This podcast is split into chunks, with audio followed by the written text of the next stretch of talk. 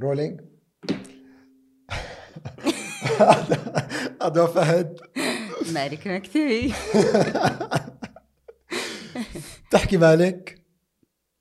ما فهمت. آه تقولي مالك أنت. على فكرة عندنا عروق هنا زي أنا ليش عندي؟ ثلاثة. ليش العروق بتبين؟ ما أدري هذا معناته في توتر tension ما أدري. حر. حر. من أول AC من أول مكيف. شوية شوية. خلينا أول مكيف لكن. تحكي مالك. أقول مالي بس.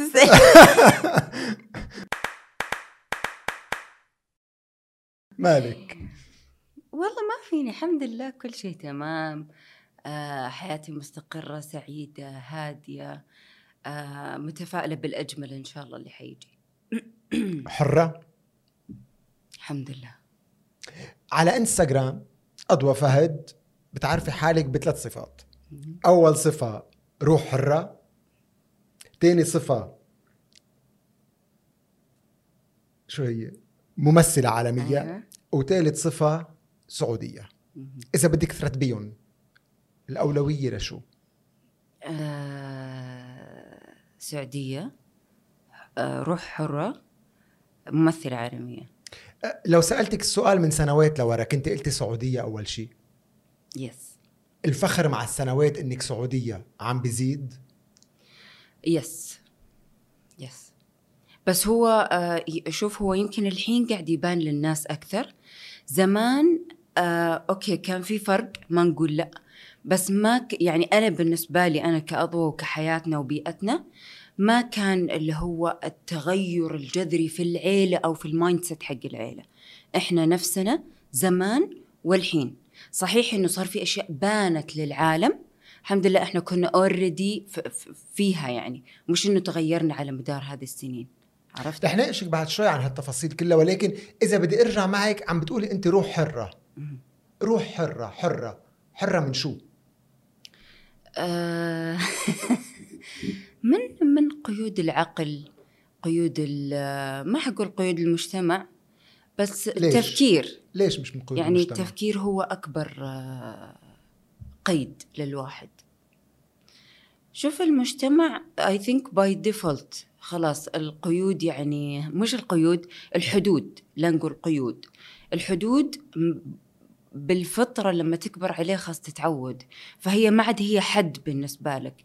أنت تتعايش مع كل شيء قاعد يصير ضمن الحدود حقتك. عرفت؟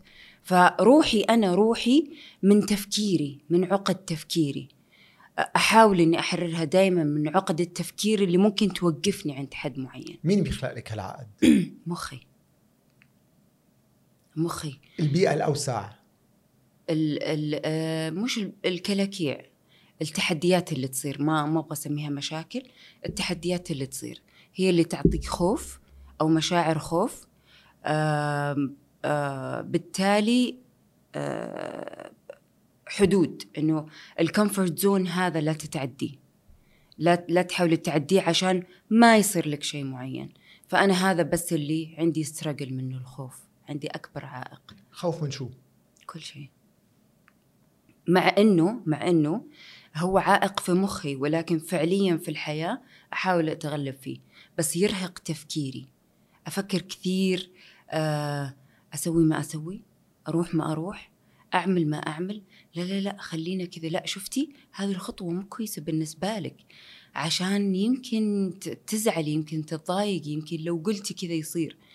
فأتذكر من كم سنة شفت كتاب غلافه فقط كان آه إيش؟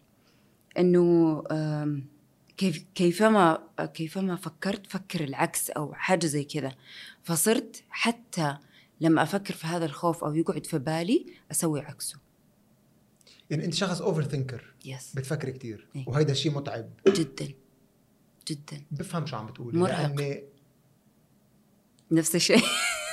عروقك هديت فشكلك هديت. وهيدا بتعب الإنسان yes مرة. كيف بتحاولي تتغلبي على على واحد يكون overthinker كيف بتحاولي تتغلبي على أفكار اللي بتحاصرك كل الوقت؟ آه، ااا معلش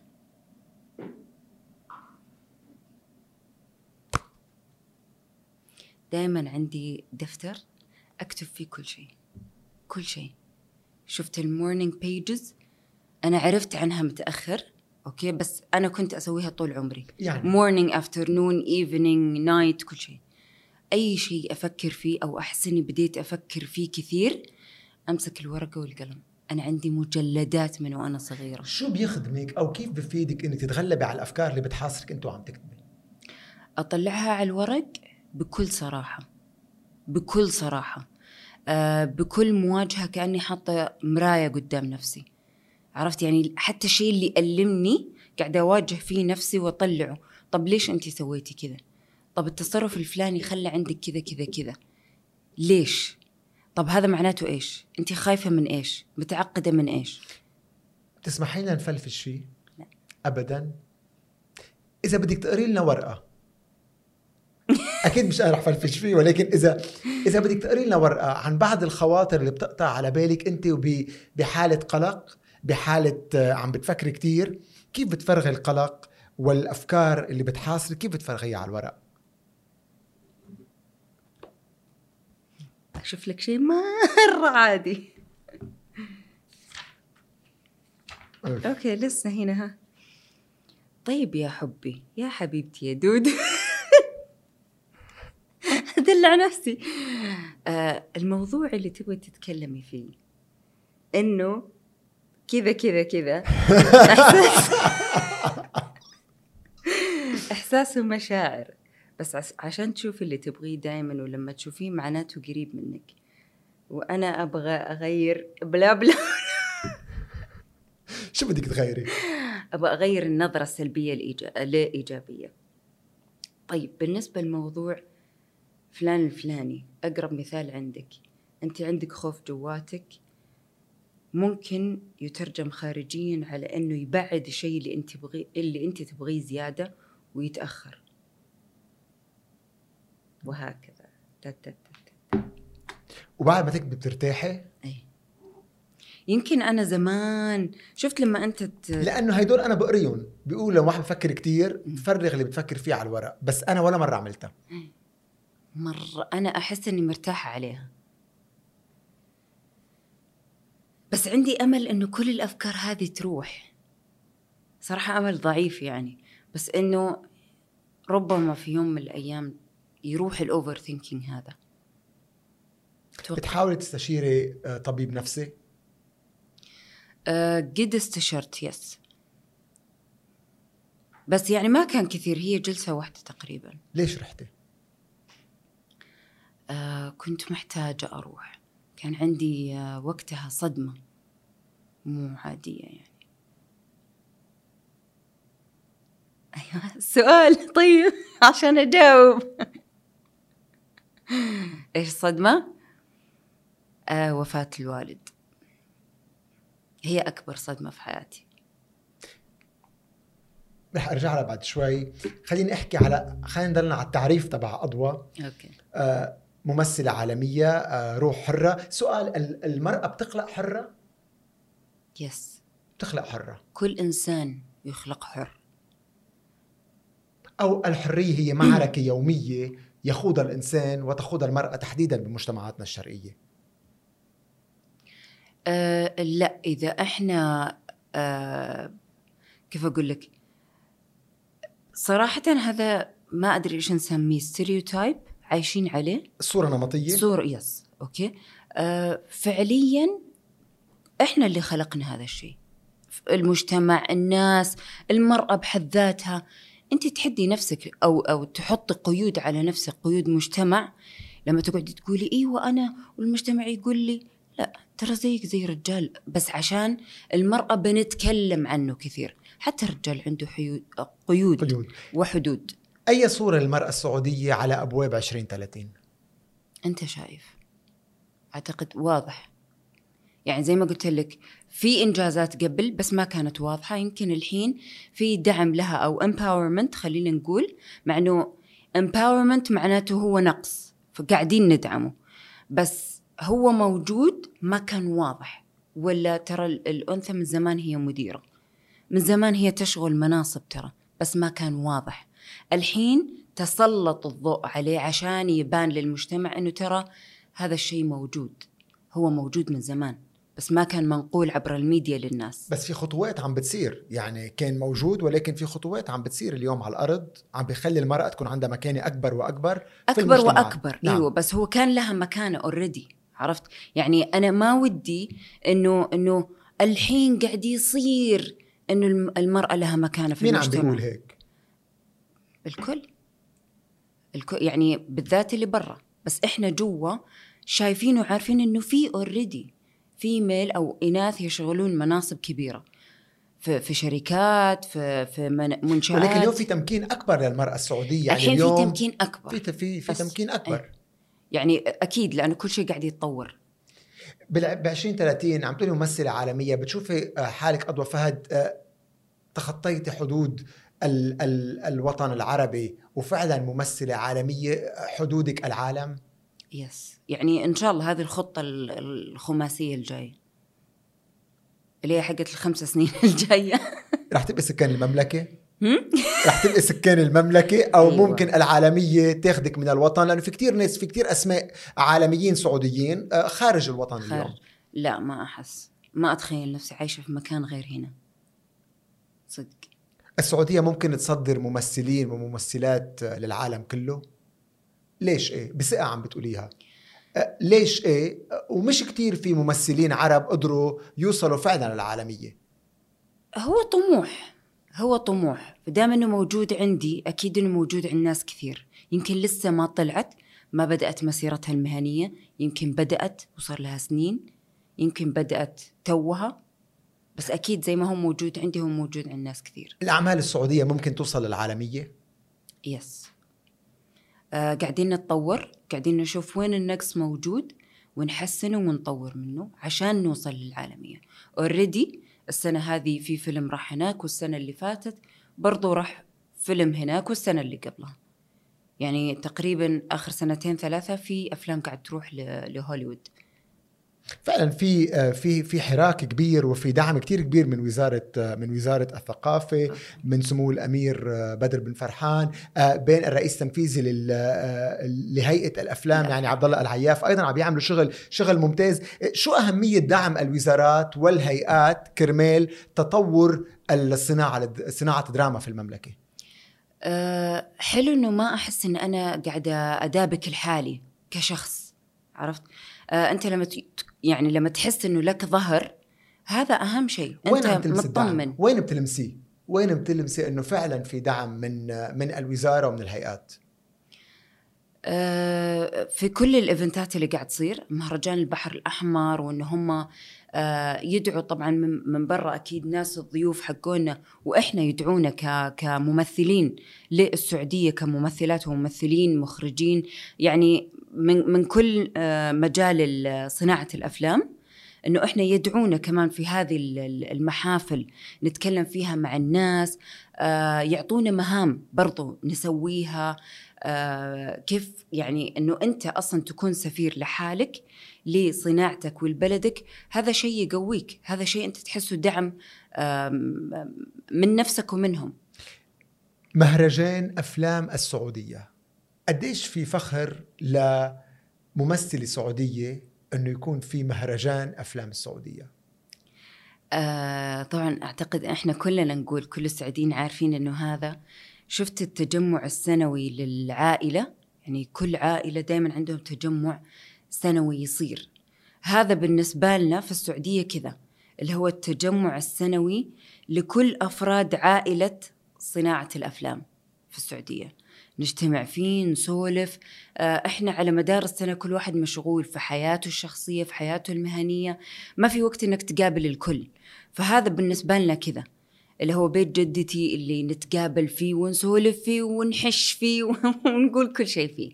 عرفت؟ we catch up في هذه تقريبا سبع ثمانية أيام. مركز مركز الملك عبد العزيز الثقافي عبر يعني عبر إثراء. إثراء. آه، اختاروا أضوى تكون عضو بلجنة التحكيم. على أي أساس اختاروا آه، ممثلة صغيرة؟ طالعين عروقها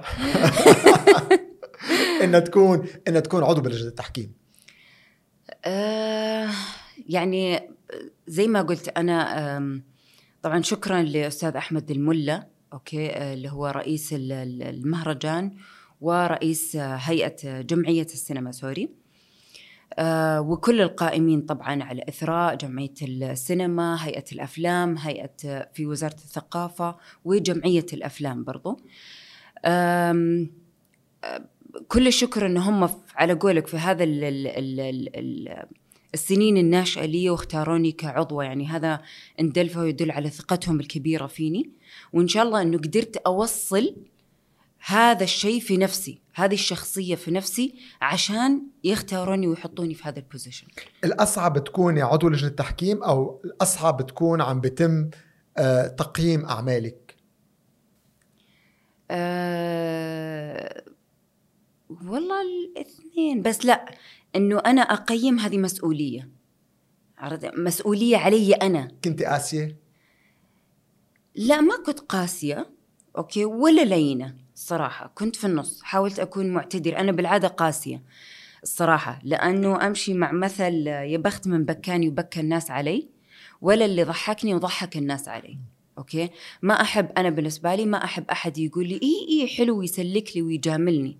لأنه حستمر على فعل الغلط اللي أنا ماني عارف إنه هو غلط حستمر على فعله. بس لما أحد يقول لي لا أضوى ترى في عندك الشيء الفلاني صححيه حسنيه طوريه أنا حقدر أطور من نفسي. فأنا نفس الشيء أمشي بنفس النهج مع الناس وعلى أفلامهم. كان ايمتى متى كان. كان؟ آه يعني توقعي لنفسي إن شاء الله السنة الجاية أكون موجودة فيه. ب 20 30 ممكن نشوف كان في المملكة. كل شيء جايز. خيال. ومع ال... ومع الحراك السريع. هذا اعمل لك إياه. أيوه. خيال أو ما بعد الخيال. هذا الشيء يصير؟ إيه. لا.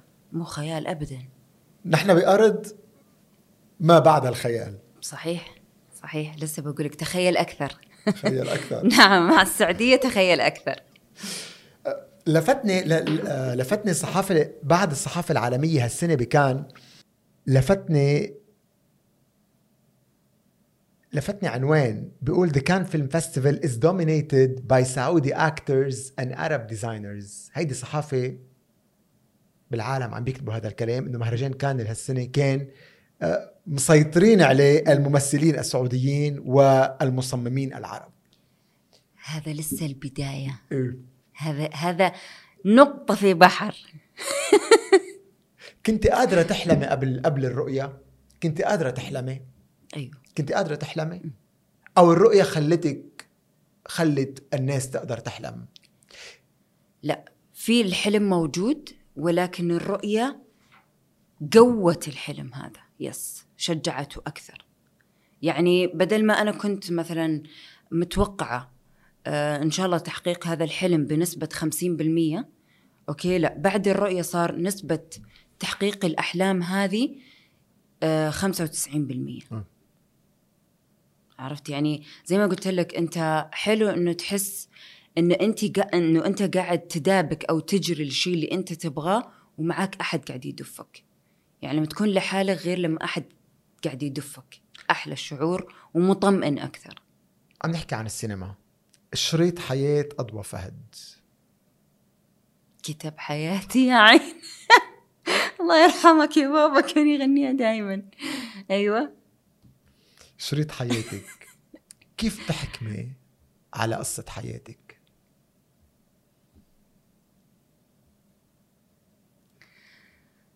آه لو ما كل اللي صار في حياتي ما كان صرت هذه الشخصية القوية. بكل الوعي والنضوج اللي فيها. والداون- والداونز تستاهل تتصور؟ أوف أحس إيه؟ بس في تفاصيل ما يعني م- يعني ما أحس المفروض تطلع خبايا. ليش ما بتطلعيهم؟ آه في أشياء أحب أحتفظ فيها لنفسي. لأنك لأنك إنسانة معروفة لا شو يعني كل واحد له أغلاطه عرفت؟ اللي ما يبغى أحد يعرفها. هذا شيء. الشيء الثاني إنه حتى لو عندي شيء أشياء سلبية مو كل السلبي كمان يطلع للناس. برضه أحتفظ فيه لنفسي بيستحق جائزة مين هو؟ فيلم قصة حياتك؟ آم. مم. بس جائزة إيش؟ جائزة لجنة تحكيم ليش؟ آه رهيب من كل النواحي. رح غوص فيها؟ رح غوص فيها. يا لطيف. طب اسألني. رح غوص رح غوص فيها. أوكي. رح بلش معك قبل الأفلام وقبل السينما اضوى فهد عارضة الأزياء. أوكي. بيئة أضوى المنفتحة خلتها تمتهن هذه المهنة أو الانفتاح اللي عم بصير داخل السعودية سهل على أضوى فهد هذه الفتاة أنه تخوض عرض الأزياء آه لا ال- زي ما قلت البيئة المنفتحة باعتدال هي خلتني شو يعني أخوف. اعتدال؟ ليش يعني بدون تطرف شو يعني؟ يعني يعني في خوف من من ال... إنه الواحد يروح مع التيار. و... وأنا مع الوالد لما حاولت لما جيت أبغى أدخل هذا المجال قعدت سنة أتحايل عليه عشان أدخل هذا المجال. شو قلتي له؟ قعدت زي الزنانة يعني إنه هو هو كان خايف يعني كان شايف حوالينه مثلا أمثلة زي ما قلنا متطرفة شوية من ناحية الانفتاح. فهو كان خايف إنه أنا أنجرف ورا, ورا هذا التيار. بس آه، كنت قاعدة أطمنه إنه ترى أنت إن شاء الله إنك ربيت كويس ما في خوف آه، يعني ما في شيء. أنا ماني إنسانة متمردة أبغى أسوي أشياء معينة أو أبغى أطلع جانب مخفي أو مكبوتة لا سمح الله. بس ليش بدك تعملي عرض أزياء؟ آه، كنت أحب عرض الازياء وكان حلو يعني. هذاك الوقت كان في تشجيع كمان من صاحبتي يعني أنا برضو بديت بال- بالتدريج ما كان في تخطيط أنا لوين حوصل. يعني هو كان ميك اب حتى ما كان إنه والله ملابس ولا شيء زي كذا كان ميك اب وشوي شوي لما لما نحفت يعني بدأ يعجبني الموضوع أكثر إنه ليش لأ مثلا ملابس مجوهرات. أشياء أكثر. فكان حلو ممتع الموضوع. فعشان كذا كملت يعني فيه. بلشتي ب... أنا أعطيهم بالميك أب. وبعد الميك أب أهلي يجوا بالتدريج. خذها مني. أنا عارفتهم كويس. نصيحة هيك بتنصحي بتنصحي اليوم البنات إذا بجنعوا أهلهم بأفكار قد تكون تقدمية أو أفكار جريئة نوعا ما. شو بتنصحي كل صبية اليوم؟ إذا آه،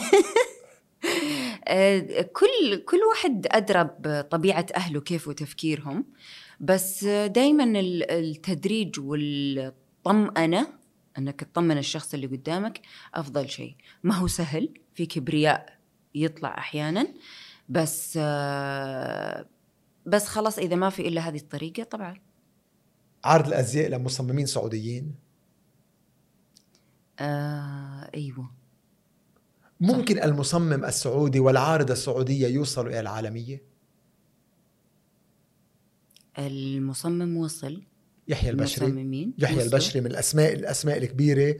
آه، شو شو مفهوم العالمية اليوم؟ شو مفهوم إنه وصل وصلنا إلى العالمية؟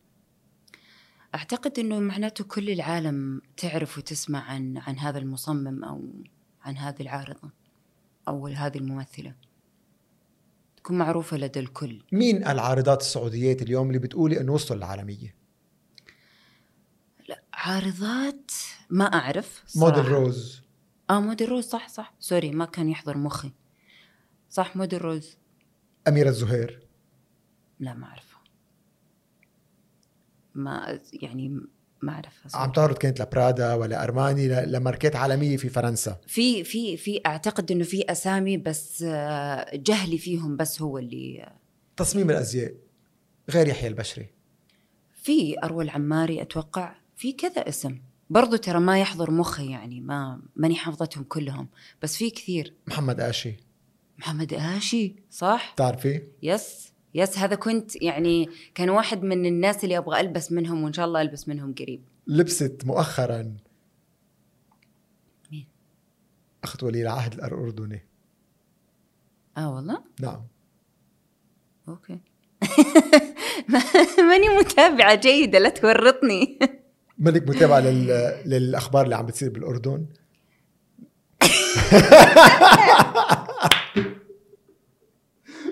هنيدا صايره في صحيح. مرة كان رهيب ما شاء الله ال- ال- الفستان الغمرة اللي سوته ل- عم بتابع أخبار الأردن. طبعا قل لي ليش.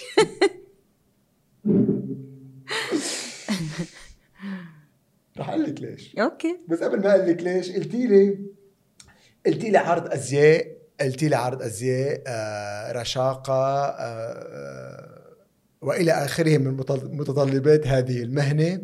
آه وقلتي لي قبل شوي لما صرت نحيفة يعني بفهم من كلامك أنت كنت امرأة. دبة. ليش دبة؟ يعني كنت فوق ال... فوق ال... الوزن الطبيعي بكثير. يعني كنت آه، إيش يسموه overweight ليش استخدمت تعبير دبة؟ آه حلوة الكلمة. يعني عندي أبسط أسهل من سمينة ولا متينة ولا بدينة. بدينة. يعني دبة أكتت. مش ما بتجرح أكثر أنا ما أتكلم عن الناس أتكلم عني أنا. زمان أيوة كانت تجرحني. ليش بتستخدميها لكن؟ آه يعني هي زي ما قلت لك هي أحس إنها آه يعني ألطف تعبير. يعني لا سوري مش ألطف تعبير ألطف تعبير عادي. ألطف من كلمة بدينة. أيوة. إذا بدي أسألك بوقتها أسألك احكي مالك بوقت اللي كانت أضوى تعاني من الوزن الزائد. آه عدم ثقة في النفس. تدري مع إنه مع إنه في أوقات أحس إني وأنا لما كنت دبة كان ثقتي مليون أكثر من لما نحفت. يعني في في أحيان في أحيانا كان ثقتي في نفسي في هذاك الوقت أكثر من بعض أحيان وأنا رشيقة على قولتهم. بس ليش قلتي أول شيء عدم الثقة بالنفس؟ لأنه ال ال ال ال إيش يسموها؟ ال- الأكثر أغلبية الوقت كان في مثلا لما أجي أسوي أشياء لما أجي ألبس لما أجي أطلع لما أجي كذا في عدم ثقة في النفس عرفت؟ ويكون يعني يرتفع يرتفع أحيانا. أي عناصر بتخلي الشخص أنت عم بتقولي يكون عنده ثقة بنفسه ولكن بنفس الوقت بيقول أنا ما عندي ثقة بنفسي. شو العناصر اللي بيخلي هذه الثقة بالنفس مهزوزة؟ آه هي ترى بعضها مواقف لحظية. آه زي ما نرجع نقول العقل وتركيبته. يعني مثلا لبس معين أنا مرة أبغى ألبسه. مرة أبغى ألبسه. بس هو ينفع للرشيقين أكثر. بس أنا حلبسه حتى وأنا في, في هذا الجسم. فلما ألبسه ما يطلع حلو علي. بس أنا أبغى ألبسه. رغبتي أقوى من كنت تلبسيه؟ أيوه. فبالتالي لكن كان عندك ثقة بنفسك. ألبسه. أنا مع نفسي كذا لحالي أحس إنه واو. بس لما أطلع مثلا والنظرات اللي هو طالع لأنه في في الأساس عدم ثقة. فعرفت يعني مهما حا... مش مهما حاولت لما تحاول أحيانا تجمل هذا الشيء من وجهة نظرك وتحس إنه أنا خلاص كذا ففجاه تطلع وتلاقي النظرات اللي هو أو في نظرات غريبة يرجع له آه لا أنا غلط أنا ما غلط أنا ث... يعني عرفت هنا الثقة في النفس اللي هو آه لا شكله مو حلو علي شكله ما أدري إيش. بس لو أنا واثقة من البداية والله البسه مو مهم عندي رأي أي أحد. بس هو عشان في مشاكل في الثقة من البداية. حاولت أنا أرجع هذه المشكلة بس ما ضبطت. شو كانت العقبات اللي تواجه امرأة بدينة؟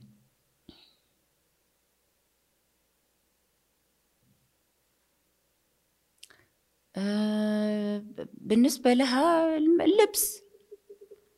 اللبس لما يكون في أشياء معينة أنا أبغى ألبسها بس ما تليق علي. ما تنفع علي. طلعني مثلا شكلي عريض أكثر أو شكلي متين أكثر. كنت تشوفي حالك حلوة؟ أحيانا أيوة. بصراحة. أحيانا أشوف نفسي حلوة أحيانا أشوف نفسي لا. واللي بيقول لك الأساس هو جمال الروح مش جمال الجسد. بتوافقي؟ أو كليشيات؟ أه لا شوف جمال الروح إلا ما ينعكس سواء ال ال ال الأنثى نحيفة أو معتدلة أو سمينة. فعلا في جمال للروح لأنه في ناس رشيقين وجميلين وجها بس تيجي تقعد معاه والثقيل طينة الروح سيئة جدا يروح كل الجمال اللي أنت شايفه من بعيد. بس أنت كنت تكوني حلوة عم بتقولي وتتعرضي للتنمر من الناس وأنت جميلة الروح بتشوفي حالك جميلة انت أيضا ولكن تعرضي للتنمر من قبل الناس. لكن جمال الروح ما كان ما كان يخلي الناس تطلع فيك بطريقة إيجابية. بعض الناس مو الكل. يعني هي كمان ترى نسبية هي مشكلة نسبية. يعني في ناس دبدوبة بس متصالحة مع نفسها جدا واثقة من نفسها. فهي مشكلة نسبية تعتمد على الشخص.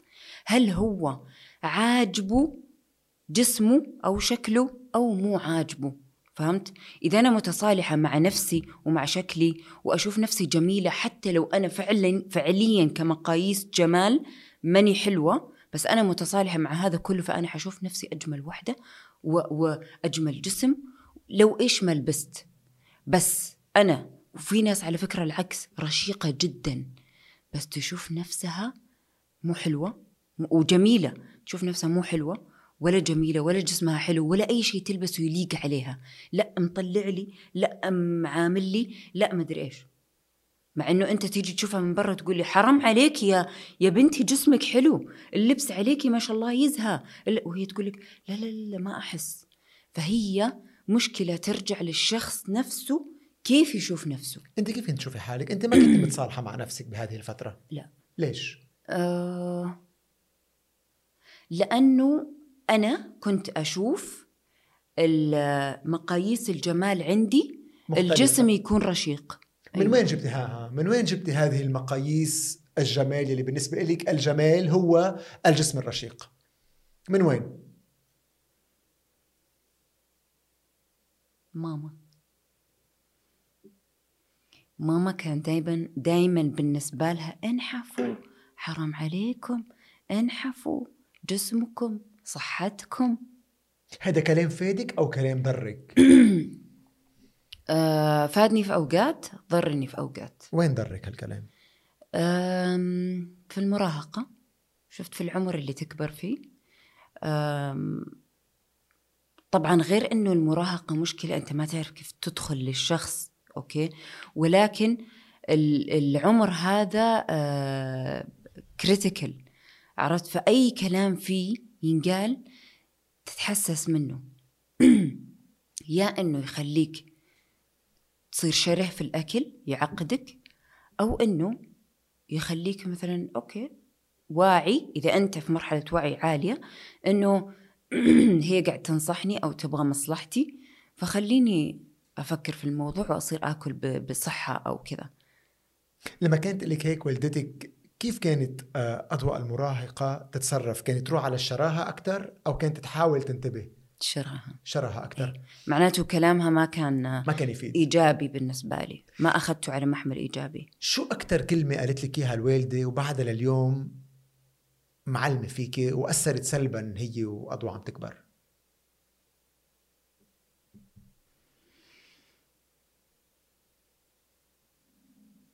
لا ما أتذكر ما في كلمة جرحتك من الوالدة خلتك هي فعلا تكون دائما تقولي لانهم كثير أهل بيحكوا لأولادهم بيقولوا لهم وقف أكل ضعاف ما شايف حالك. يمكن من مصلحة الأهل بشوفوها عم بيحكوا هذا الكلام لمصلحة ابنهم ولكن بيكون عليها تداعيات سلبية هذا الكلام مثل ما أنت عشتي هذا الشيء. لا والله ما أتذكر لها شيء معين يعني. بس هي مسألة الأكل إلى يومك. طيب بدي أسألك لما كنت عم تكبري وصرتي مراهقة صرت تشوفي الجمال كمان في جمال معلب على مواقع التواصل الاجتماعي. المرأة الجميلة هي المرأة اللي عندها هذه المقاييس. ليش ما كنت تشوفي المرأة الممتلئة أيضا هي امرأة جميلة؟ مارلين مونرو امرأة ممتلئة كانت امرأة جميلة. وكثير من النساء كانوا آه، ممتلئات وكانوا فعلا رمز للجمال الأنثوي. ما كان عندي هذا الوعي. ما كان عندي. بالنسبة لك المرأة الجميلة هي المرأة الرشيقة. صحيح. نقطة. من آه، من العقبات اللي بتواجه الشخص اللي عنده وزن زائد هن آه، بالمجتمع مثل ما قلتي التنمر ولكن أيضا على الشق الوظيفي يمكن ما يقدروا يتوظفوا بالوظيفة اللي هن بدهم إياها لأنه الشكل قد يلعب دور آه، ب بال بالسوق العمل. أنت كنت عم تشتغلي بوقتها؟ بنسبة صغيرة بنسبة قليلة جدا وليس كثير انت كنت عم تشتغلي وقتها بوظيفة الحلم وظيفة بتحلمي فيها أو كانت وظيفة فقط؟ لا وظيفة. وظيفة فقط. إيه. الحلم اللي اللي هو لما صرت ممثلة هذا الحلم.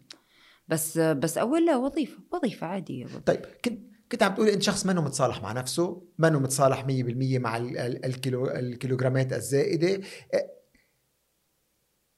ليش ما قدرت تتقبلي هذا الواقع؟ خلص لأنه أنت لما تكون شايف شيء معين ما يعني ما تقدر تقبل غيره. ما تقدر تقبل غيره إلين إلين توصل له. إذا وصلت okay حتصير كويس حتصير راضي حتبدأ تكتشف كلاكيع ثانية أكثر إنه هل مشكلتك بس في الجسم المعتدل أو الرشيق ولا في أشياء ثانية مصاحبة؟ ويلا عاد نبدأ نحلها ونشوف نوصل لها ولا لا. والوعي إنه okay خلاص أنا وصلت أنا متصالحة مع نفسي آه أنا أحب نفسي سواء بهذا الجسم أو هذا الجسم أو إيش ما يكون تفكيري أو أو أو. فما يعني يعني ترى نعمة من ربي إن الواحد يوصل مستوى وعي عالي ومدرك لكل المشاكل اللي عنده. بهالمرحلة من حياتك كنت كتير عم تقري أيضا وكنت قارئة قارئة كتب كتير. الكتب اللي بتقريها عن التفكير الإيجابي ما ساعدوك تتقبلي حالك آه، أضوى ال- المرأة الممتلئة الفتاة الممتلئة؟ لا. ليش؟ آه لا ساعدني ألاقي الحل في المشكلة اللي أنا قاعدة أعاني منها وهي ال- ال- ال- السمنة. ان أنا صراحة أفضل اختراع في العالم. أبدا ما قدرت تتقبلي نفسك. لا بعد كذا بعد كذا بعد كذا وصلت لمرحلة ال- السلام الداخلي. لأن السلام الداخلي أنك توصل له أو ال- ال- المصالحة مع النفس ما هي مجرد موضوع واحد. مش بس والله آه، أو أو ما هو بالسهولة المتوقعة. في يومين أنا حتصالح مع نفسي. لا هو محتاج هو محتاج سنين زي ما سنين من حياتي أنا عشتها على هذا المبدأ. أوكي؟ فأنا محتاجة كمان سنين عشان أعالج هذا ال- المبدأ أو المنطلق. اللحظة اللي طلعتي فيها من عملية التكميم. كيف تتذكريها اليوم؟ والله كنت سعيدة جدا. كنت سعيدة وكنت مستنية إيش اللي بعد كذا حيصير. وفعلا يعني خلال سنة نزلت مرة الوزن يعني قريب الوزن اللي أنا أبغاه وثقتي صارت مليونين في نفسي اللي هو صار في عدم توازن. شفت؟ عدم ثقة بعدين صار ثقة over فصرت يعني صار في أنا صرت أجرح الناس. وسمعتها من من أختي حتى. قالت لي تراكي صرتي over حتى ما تهتمي بمشاعر اللي حولك. فأخذني كمان كم شهر إلين شوي اتوازن يعني ثقة over؟ شو يعني؟ هي منا ثقة أوفر حسب ما أنت عم عم عم بتقولي هو مش ثقة أوفر هي نوع من لم إلا لما نحفت لما إيه. نحفت مرة إيه إيوه صرت واقع اللي هو إيش فيكي انت إيش هذا اللبس الخايس عرفت وهي مثلا تكون مليانة شوي لا لا لا ما تعرف تلبسي. شوفي. عرفت؟ شوفي أنا على أساس إنه أنا البيرفكت موديل الحين. عرفت؟ فصار في كذا شوية. يعني من شخص عم بيتعرض للتنمر إلى شخص عم بيتنمر على الناس. بدها جرأة.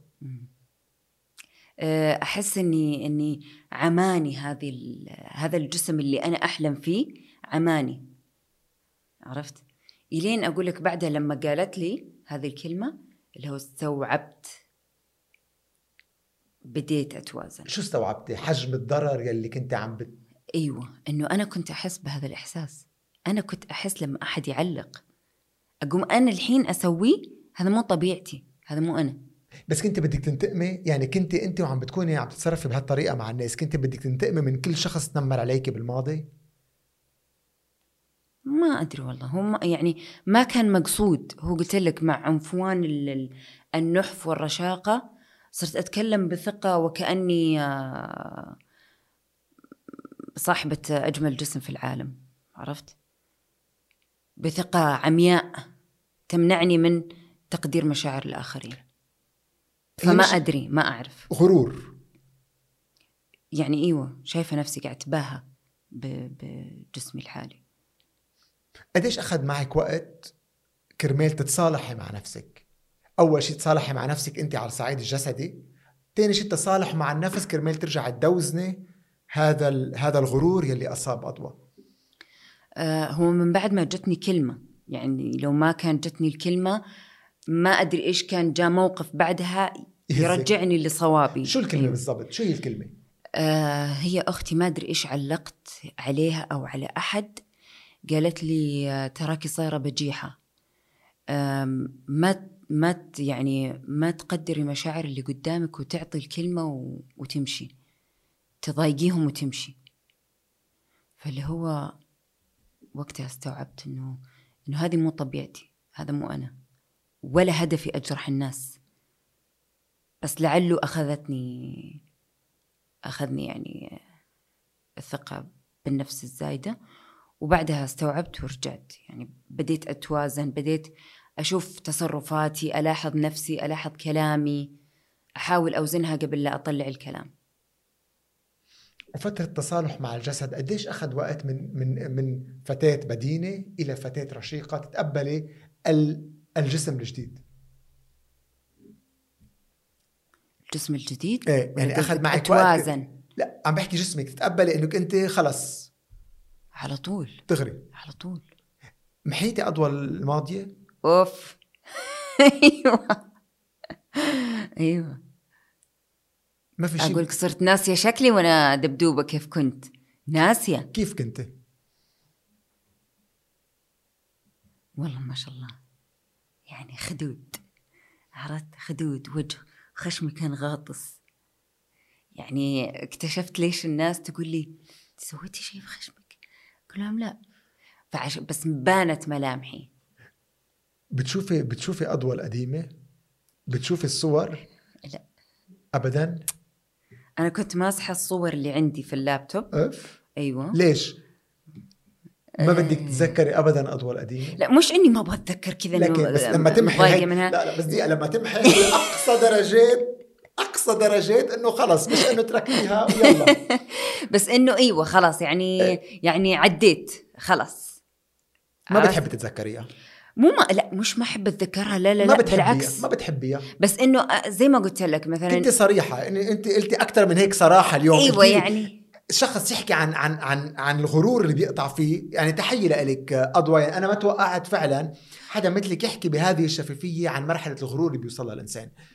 وكيف فعلا قدرت ترجع تركلجي وهون بفهم من كلامك أيضا أنت كمان ما بتحبي تتذكريها لهذه الأضواء إيه يعني أيوه. ترى إلين قبل فترة بسيطة اللي اللي ها تصالحت شوية مع نفسي مع أضوى الدبدوبة.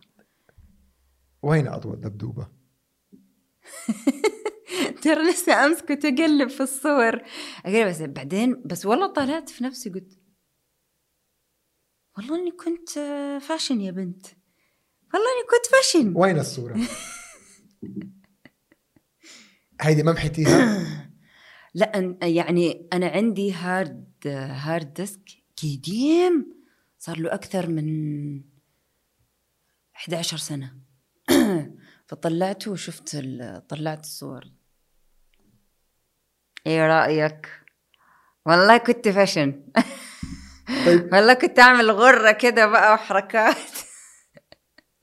طيب فين يشوفوها الناس؟ هي لأول مرة بتش... هيدي أول مرة بتفرجي صورتك على العلن؟ يس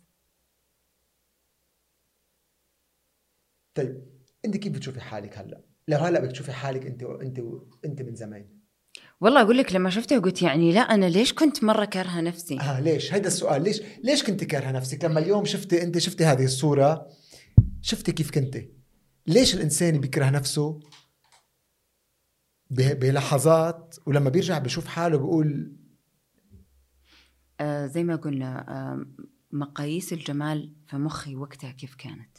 عشان كذا ما كنت قابلة نفسي وأنا دبدوبه بس والله انك كيوت بس والله إنك كتكوته والله. يعني أقدر أقول الحين ما أدري بس بس شوف ما هل هذا هذا يعتبر تصالح مع نفسي هذه ولا لا؟ لأنه تقول لي أرجع مثلا اسمع زي كذا أقول لك لا. ابدا. لأسباب صحية أو لأسباب خاصة بالتصالح مع النفس آه، والجمال؟ الاثنين. الاثنين. أنا أحب أكون رشيقه شيء. والشيء الثاني آه قاعدة أحاول أوصل ل lifestyle صحي. هيدي أول مرة آه، بتنحفي هيك؟ لا نزلت وقت تعبي. نحفت وقت تعبي. وقت مرضي. بس كنت دايما أسوي diet دايما. يعني ضاعت فلوسنا على diet center و diet watch health watchers وكل هذول.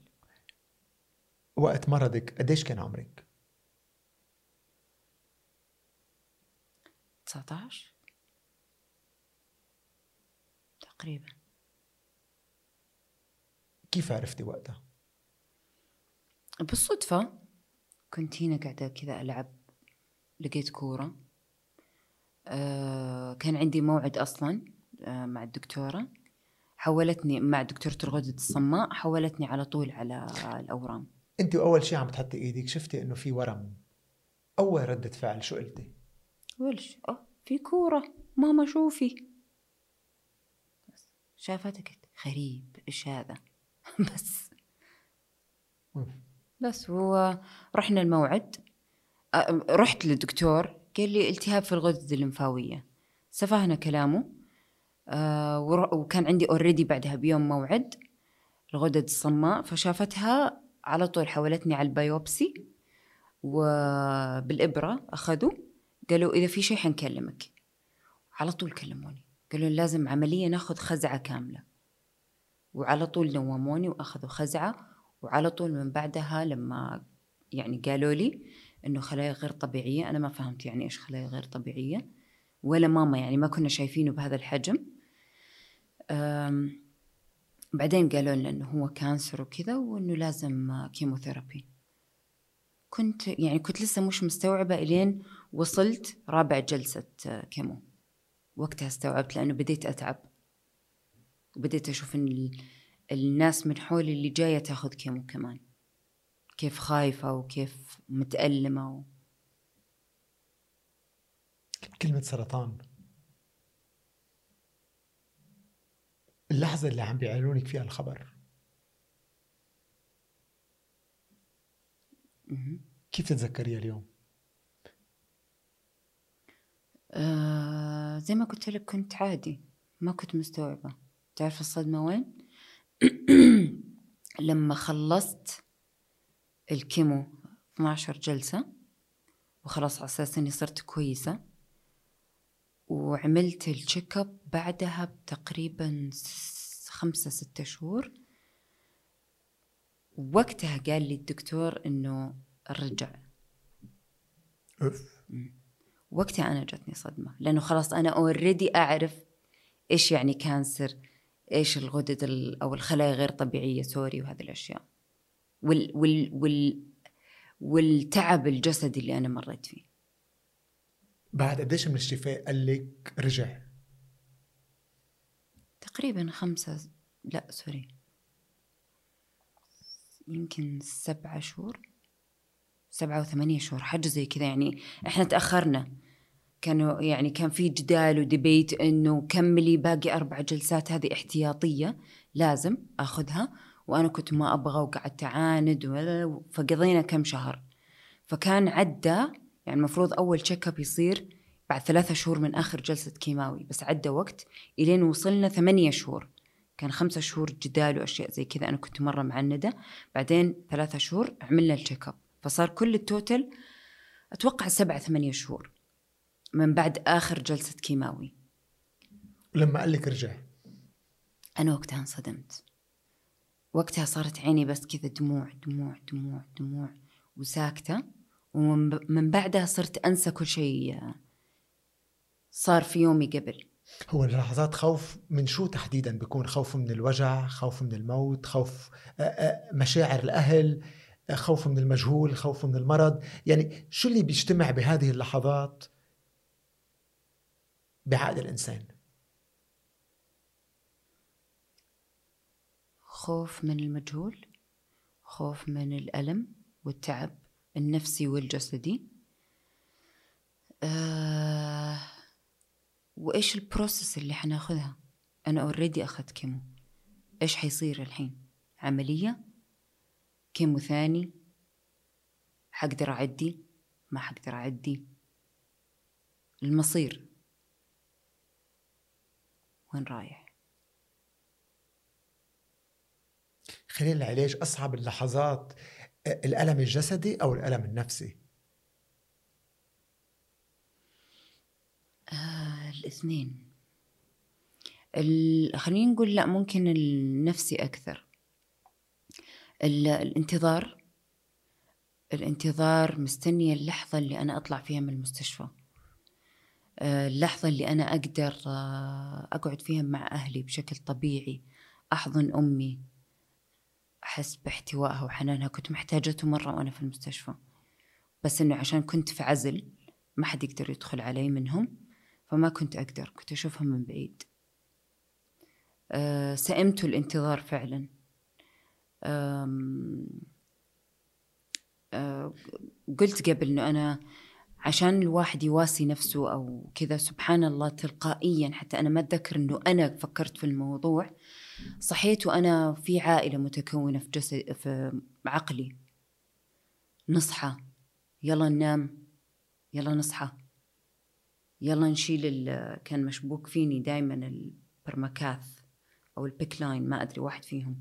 لو الليات اللي مشبوكة فيني طول الوقت. فكان لازم أشيلها عشان أقدر أنسدح على اليمين أو على اليسار. لأن ممكن أضغط عليها توقف الدواء تسحب لي حاجة زي كده تسحبه من هنا تعورني. فيلا نشيله يلا نعدل جلستنا يلا نعدل نومتنا. فنتذكرهم كن- كانوا على الأرض كلهم على الأرض. انتظار عم تقول لحظات الانتظار هو أصعب شيء الألم النفسي انتظار شو تحديدا؟ إنه هذا كله يخلص. بلحظات الإنسان بهيك لحظات ضعف ولحظات وجع ولحظات آه، علاج صعب. وألم نفسي وألم جسدي. بينطر الموت. آه حسب أنت إيش مستني. وصلت للمرحلة إنك لا أنا ما كنت أنا أنا كنت في مرحلة آه، تسليم. يعني حموت okay. حكمل مع أهلي okay. حعيش okay. بس يلا. إيش هو؟ إيش ما يكون؟ يلا.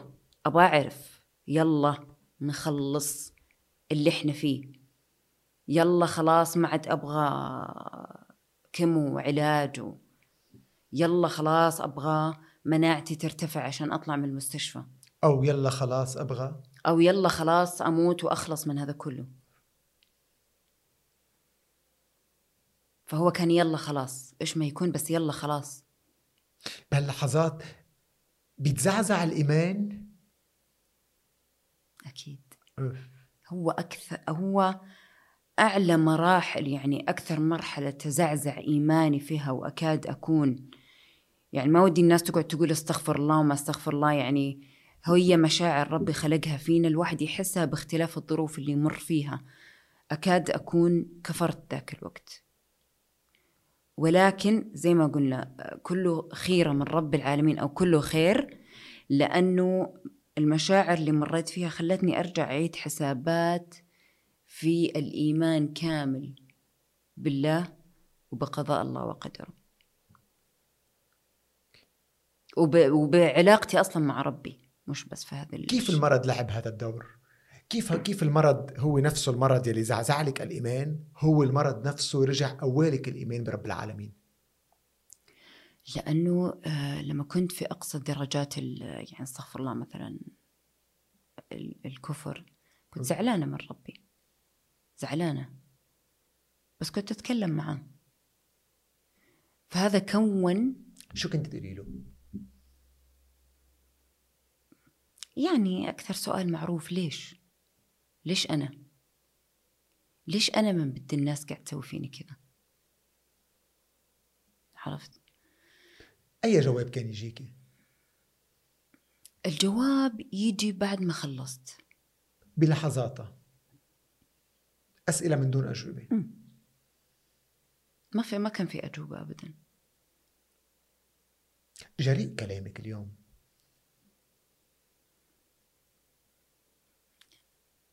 هذه هذا الحياة هذه الحقيقة. عشان كذا بقول لك إحنا ما بنواجه نفسنا بهذا الكلام. بس بس هو كله طبيعي كله حقيقي. وهذا هذه يعني أنا كل ما أفكر هذه مشاعر ربي خلقها فينا. لو ربي ما يبغانا نفكر بهذا الأسلوب ما كان خلق هذا الشيء فينا. ما خفت من هذه الأفكار؟ آه إلا بعد ما طلعت من المستشفى وصرت كويسة ما كنت أقول هذا الشيء للناس. لأنه أكيد أول شيء حينقال لي حتى من أهلي استغفر الله قولي استغفر الله.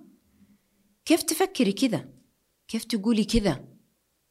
استغفر الله ما ينفع تسألي. ليش اليوم عم تحكي بهذه الصراحة وهذه الشفافية فيك ما تحكي هالكلام أبدا. تقولي أنا بالعكس خلال المرض كان إيماني آه، جيد وإيماني هو اللي ساعدني على تخطي هذه المحنة والإيمان لعب دور أساسي. ليش اليوم قررت تكوني هالقد صريحة وهالقد كلامك صادم وصريح؟ وممكن هذا الكلام آه، كلام جريء بمجتمعات عربية. الدين بيلعب دور أساسي والإيمان بيلعب دور أساسي بحياتنا. لأنه هذا مو شيء عيب بالعكس. يعني يعني هذا الشيء يخليك ترجع تفكر في أمور حياتك. ير يعني ربي ما سوى كذا ما اختارني وما عمل فيني كذا إلا عشان يبغاني أقرب له أكثر يبغاني أفكر في هذه الأشياء. ربي معانا ربي قريب يبغانا يعني أنا مالي دخل في الناس أنا أتكلم عن نفسي أنا وأنه ليش أشوف هذا الموضوع عادي؟ لأنه بالعكس المفروض إحنا نفكر كذا مو المفروض إنه لأ عيب حرام ما ينفع ما يجوز ما تكلمي ما تسألي. لأ بالعكس. طب أنا أمي لما يصير في شيء ليه أروح أتناقش معاها وأقعد معاها وأقول لها فهميني؟ طب انت ربيتيني على كذا ليش الحين قاعدة تقولي لأ لا تسوي كذا هذا هيلثي هذا صحي. طب الزوج والزوجة كيف حيعرفوا مشاكلهم سوا؟ كيف كيف حيتغلبوا عليها؟ إذا ما قعدوا وقعدوا بكل شفافية مع بعض عشان أنت سويت فيني كذا وأنا ما يعجبني.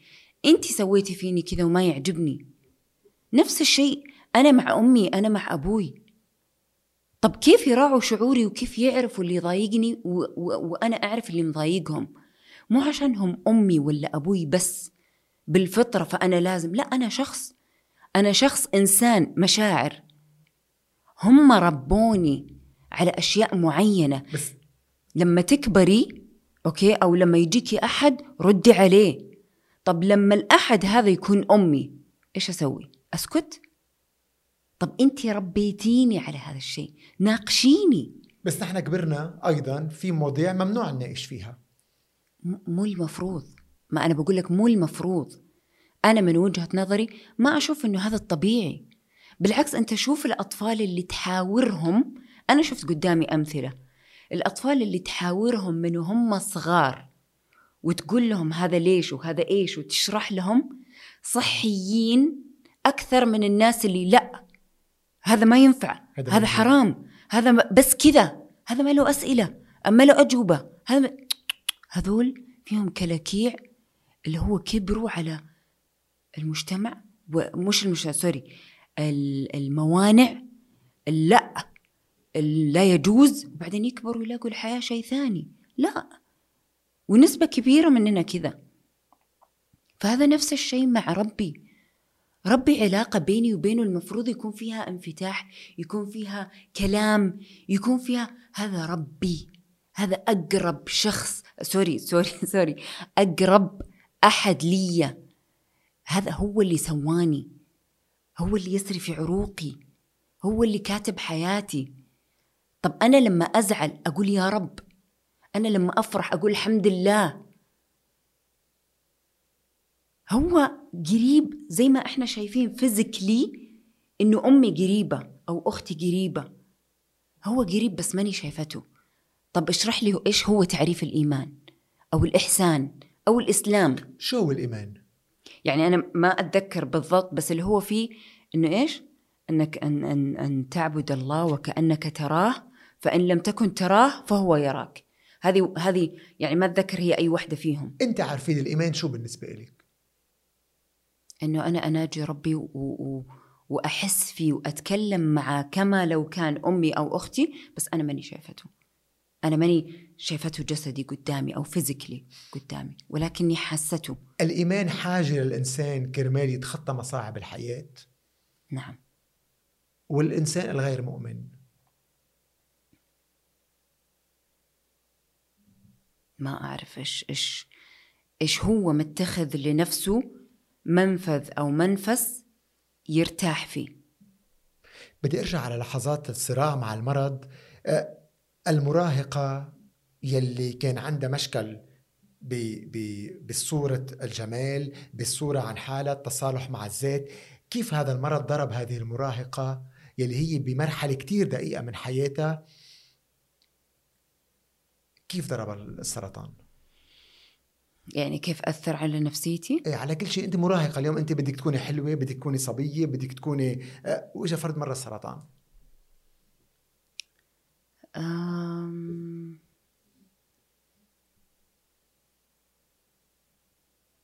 يعني والله تصدق نحفت زي ما قلت لك أنا وقت المرض نحفت.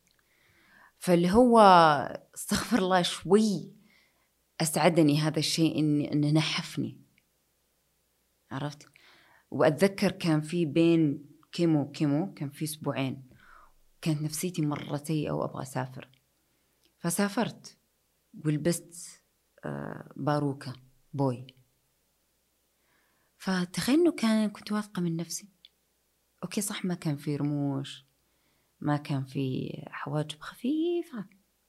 بس كنت أحط make up التصالح مع النفس ليه خليك تلبسي باروكة؟ لأنه طبيعي ما كان في شعر. ما حطلع كذا. ليش؟ ما أتوقع إني كنت متصالحة مع نفسي وقتها. بس بس يعني الطبيعي by default ما في شعر حلبس باروكة. حشوف إيش اللي يناسبني. وهذه الشعر البوي كانت هي أكثر شيء ناتشرال علي ولبستها وسافرت ومرة انبسطت. شو علمك المرض؟ مم. الصبر. الصبر و وحب الحياة. آه الخيرة. الخيرة يعني عسى أن تكرهوا شيئا وهو خير لكم وعسى أن تحبوا شيئا وهو شر لكم. ترى والواحد على فكرة بعد بعد تجاربه يرجع يرجع لتفكير الطبيعي لو استغفر الله ليش؟ لا, أنا ما أبغى كذا بس أبغى كذا. بس ترجع هذه التجارب تذكرك. عرفت؟ يعني لعله تجارب تكون أصغر من كذا شوية بس ترجع تذكر. كأنه ربي يقول لك ترى لا تنسى خيرة. أنا مخبي لك الأحسن أنا جايب لك الأحسن. لا تشيل هم. دام أنا معاك ريح ريلاكس. لحظة الشفاء. لحظة الانتصار على المرض إعلان الانتصار على المرض. آه هذه بيك كانت قمة السعادة في حياتي. أصلا طلعتي من المستشفى هذاك اليوم كان أحلى يوم في حياتي.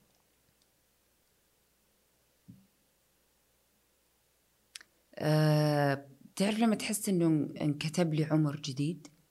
هعيشه زي ما أنا أبغى. حرة.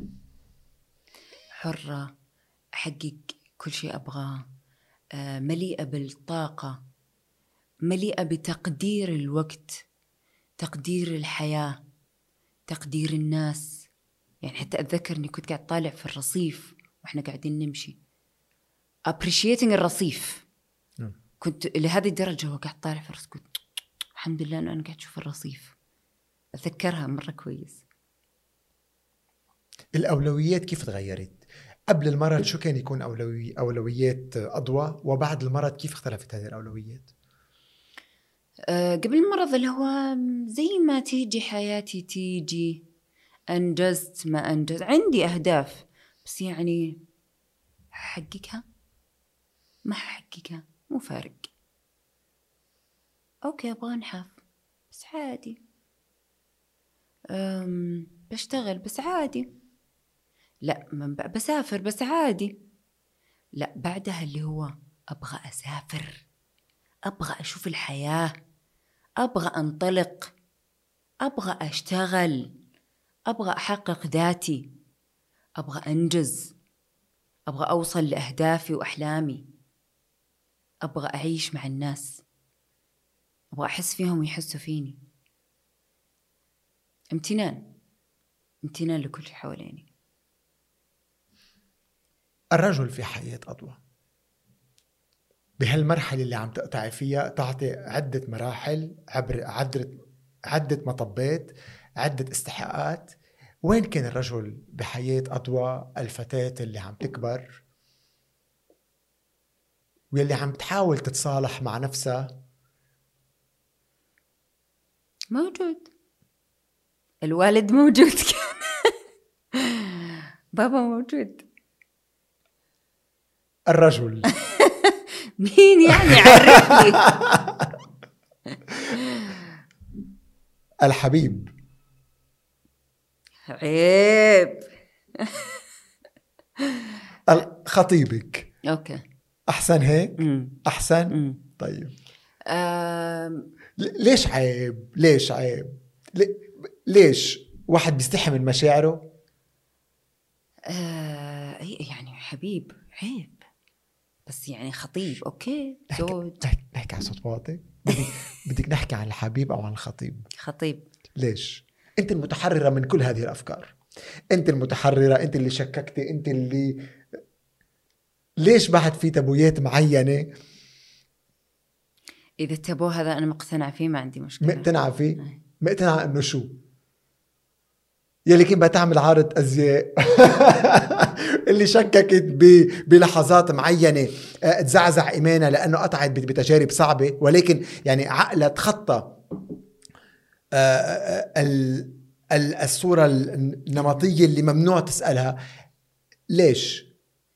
ما يعني ما إحنا هاك ال- المجتمع ال- المتقبل لفكرة الحبيب. بس أنت ببيئة منفتحة كنت.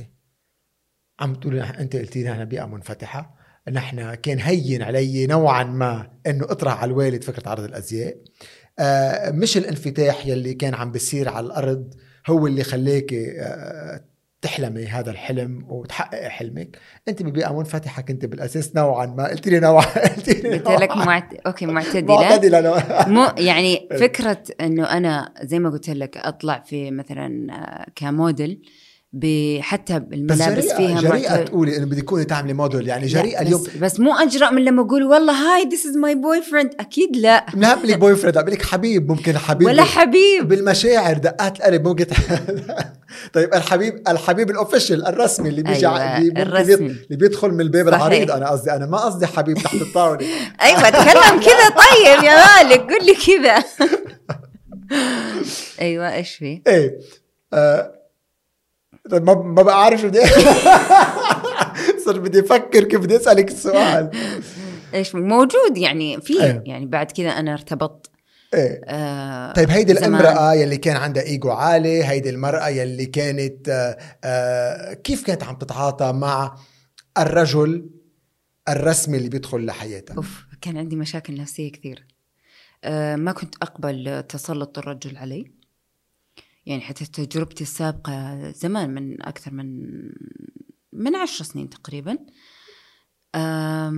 ما كنت راضية. يعني okay آه انخطبنا وكل حاجة بس لما مثلا ينقال لي لا لا تعملي كذا وسوي كذا لا مو على كيفك. مو أنا اللي ينقال لي كذا. ما كنت أقبل. ما تحكم فيني. ولا يعني كان عندي مشاكل من هذا الموضوع. ولكن إحنا بمجتمعات يعني ما كنت خاضعة ما كنت المرأة الخاضعة و okay وعشان زوجي حسكت. المشكل كان بأضوى أو بالرجال. يعني أضوى اللي كانت آه، العلاقات كانت تنتهي وتفشل لأنه أضوى كانت آه، المشكل أو المشكل كان من- من من خطيبة الرجل. أكيد إنهم عندهم مشاكل مم. بس آه، يعني خلينا نقول المشكلة ال- المعضلة الأساسية مني أنا. يعني أنا ما, ما كنت أقبل زي ما قلت لك ما كنت أقبل أحد كلامه يجي كلامي قبل كلامي. لا أنا ما لا. أقنعني إذا ما أقت... إذا ما اقتنعت بوجهة نظرك وهي مجرد وجهات نظر. أنا شريك ولست تابع. ف... فإذا ما قبلت الموضوع لا. الرجل الشرقي يتقبل أن المرأة تكون شريكة كاملة معه؟ آه يعني ما انت بالنسبة لك الرجل الشرقي بده المرأة القوية المستقلة المرأة اللي عندها كيان المرأة اللي فعلا بدها شريك بحياتها ما بدها تكون تابعة. بيقبلها؟ ال... ال... الرجل الشرقي المتصالح مع نفسه أيوه يقبلها. الرجل الشرقي الغير متصالح مع نفسه ما يقبلها. بيشتهيها وما بيقترن فيها؟ أيوه يشوفها. ويتمناها أيوه بس بس ما يعني شفت ترى نفس الشيء العكس. أنا أقول لك في مرحلة من زمان لما طلع باب الحارة ومدري إيش كنت أقول يا الله لو يجيني واحد كذا يشكمني. وين يشكمني يا ابن الحلال؟ لما جاني واحد يعني لما مثلا من زمان اللي هو أول تجربة صارت مثلا وكذا ومثلا وين رايحة وين جاية؟ قلت لا لا لا لا وين وين؟ كيف يعني وين رايحة وين جاية؟ عرفت بعدين اللي هو لما الواحد يفكر مع طب باب الحارة فين؟ يعني أنت كنت تبغي باب الحارة واحد كذا يقول لك وين؟ ولا صوته يجي من آخر شيء و... وترتعش كذا. لا ما أبغى أرتعش ولا أبغى صوت عالي. بس كان بدك بفترة من حياتك تكوني الامرأة الخاضعة؟ مش امراه خاضعة. كان بدك فترة؟ أبغى رجال يكون قوي. إيه. بس إنه شو يعني قوي؟ إيه زي ما قلت لك اللي كنا نشوفه في التلفزيون. يعني يعني يعني إنك تشوفه مش إنك تبغى تحصل عليه. إيه شو لا. كنت تشوفي تقولي بدي بدي هذا النوع من الرجال؟ أيوه كنت أشوف أقول لك باب الحارة لما مثلا آه يا مدري مين كذا ينادي من بعيد وهي شو ابن عمي؟ وتخاف كذا تروح تركض له عرفت؟ اللي هو يعني كنا نقول يا أخي شوفي رجال كيف رجال؟ وين؟ فلما لما صاروا مثلا اللي هو وين طالعه وين جاية ومثلا بس هذا الرجل اللي عم تحكي عنه في صورة نمطية أيضا لهذا الرجل يلي آه، بيستخدم العنف تجاه المرأة يلي ممكن آه، بيضربها يلي ممكن. اجت فترات كنت تقولي بدي هذا النوع لا من لا ابدا؟ لا ابدا. كان بدك فقط الرجل إيوه اللي قوي بس القوي يصرخ؟ يعني مش يصرخ قد ما إنه تحس بهيبته من بعيد. طيب؟ هيدا شو بيتناقض مع الرجل الشرقي المتفهم للمرأة؟ زي ما قلت لك آه، هي يعني هي أنت إيش تشوف. وإيش تبغى okay؟ واللي تحصل عليه أو يصير لك هل تقبله أو ما تقبله؟ هل هو هذا اللي أنت بس تشوفه بس ما أبغى يصير لي؟ okay؟ ولا اللي مثلا أنت تبغاه فعلا؟ أنت كنت إيه. بتشوفيه من بعيد؟ أنا كنت أشوفه من بعيد. أنا كنت أشوف أح أحسب إنه أنا يعني أبغى هذا الرجل اللي له هيبته. أوكي؟ وفي معاني. له هيبة مو معناته يصرخ من بعيد. بس أنا كيف ترجمتها؟ ولكن أنا الحين تقول لي مثلا له هيبته كيف يكون؟ هو الرجل لما يكون حنون وحبيب ويسمع لي وأسمع له هو من نفسه لما يجي كذا له له هيبته. مو شرط له هيبته أخاف منه لا. يعني أنت الهيبة بالحنان. اي يعني يعني بطلته الحلوه عرفت؟ هيبه هذاك الوقت كانت تختلف عن الحين. أوكي بس اليوم الرجل الشرقي هو رجل بيعبر عن مشاعره. قد يفهم خطأ الرجل إذا بيعبر عن مشاعره. يقال قد يقال هذا رجل ضعيف يعبر عن مشاعره. آه الرجل لازم يكون مثل ما أنت عم تقولي عن الصورة النمطيه اللي شفناها هيدا الرجل يلي بتشوفيه بالمسلسلات واللي الرجل يلي لا شوف زمان غير الحين. أنت بالنسبة لك الرجل اللي عنده هيبة هو رجل حنون؟ الرجل اللي يدخل عليك كذا بطلة ابتسامة. عرفت؟ هذا الرجل حنون الحنون هو هو الرجل اللي عنده هيبة بالنسبة لك إيوه يعني هيبته حلوة وهو داخل. ما قلت يخوفني. زي ما قلت لك زمان كان إحساس هيبة خوف. الحين لا. هيبة إنه رجال إنه مسؤول. زائد حنون. اعتذرت من آه، خطيبك أو ال أو ال اللي خطبتيهم بالسابق. اعتذرتي منهم إنه كان يمكن الخطأ منك بنهاية العلاقة؟ لا غلط غلط المرأة تعتذر؟ لا مو غلط بس إنه يعني آه، كسيناريوهات يعني ما كان مثلا هذا هذه فقط المشكلة اللي أنهت كل شيء. لا تجارب بس وتعلمت منها. أضواء أكتوبر 2021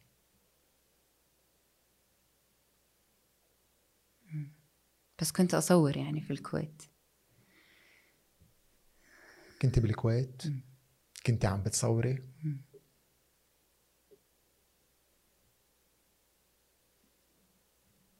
وصدمة فاجعة كانت. شو صار؟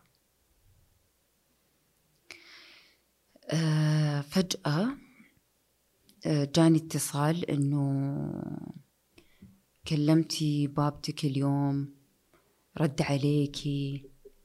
لا ليش؟ في ما في شيء بس مو قاعد يرد. البواب قاعد يدق عليه من الصباح مو قاعد يرد. غريب. آه كلمت عمتي كانت هناك ومن حسن الحظ إنه في نفس اليوم هي وصلت مصر.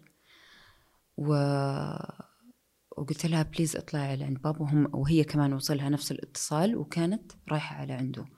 هي وولد عمتي. فعلا راحوا. البواب كان يدق عليه الباب يدق على جواله يسمعوا من العصر. ما يرد. دخلت أشوف آخر ظهور لبابا على الواتساب. كان يمكن ثلاثة الفجر. وإحنا كان هذا الكلام بالليل نفس اليوم بالليل. 11 بالليل. آه شو قلتي أول شيء؟ نوبة سكر. كريزة سكر يمكن. لأنه كان عنده السكر والضغط. يمكن طاح لأنه هو يمشي على ويل شير و... وفي مرة طاح فيها على على ورا. فممكن إنه طاح وصقع راسه. وأنا لسه كنت قبلها بيومين قاعدة أقول له آه بابا إيش رأيك نجيب أحد يقعد معاك؟ يعني خادمة بواب أي أحد يقعد معاك في البيت عشان يشوف أنت إيش تبغى. كان يقول لي لا ما أبغى. أنا مرتاح. المهم آه راحت عمتي أتصل عليها كم مرة ما ترد. بعدين ردت قالت لي آه قالوا إنه لازم يجيبوا الدفاع المدني ما ينفع إنه آه هم من نفسهم يكسروا الباب. وفعلا جو الشرطة أو الدفاع المدني وكسروا الباب ودخلوا. آه كنت مع عمتي على الخط. آه سمعت لا حول ولا قوة إلا بالله. حتى الظاهر انفتح الخط بالغلط أو هي ردت والله ناسية.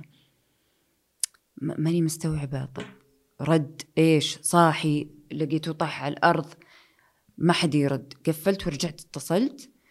ردت علي قالت لي عمتي قالت لي إنه جاي الإسعاف حيشيكوا عليه. قلت لها يا حبيبتي ما انت عنده. روحي عند خشمه حطي يدك. في نفس ما في نفس لقيتوه على الأرض لقيتوه فين؟ قالت لي لا على السرير. قلت طيب روحي شوفيه. قالت لي خلاص خلاص يا أبو مدري إيش أكلمك. ولد عمتي أخذ منها الجوال قال لها خلاص إحنا شوي ونكلمك قال لي. وقفل. يعني يا جماعة أحد يفهمني؟ أحد يفهمني إيش فيه؟ وأروح أكتب له واتساب. بابا أنت تمام؟ أنت صاحي؟ ارسل لي إيش فيك؟ إيش صار فيك؟ آه بعدين آه اتصلت عليهم مرة ثانية آه وقالوا لي إنه توفى.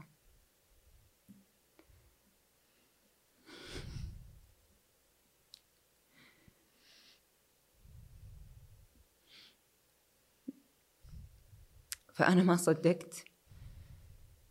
آه كنت أقول لعمتي روحي مرة ثانية شيكي يمكن في نفس.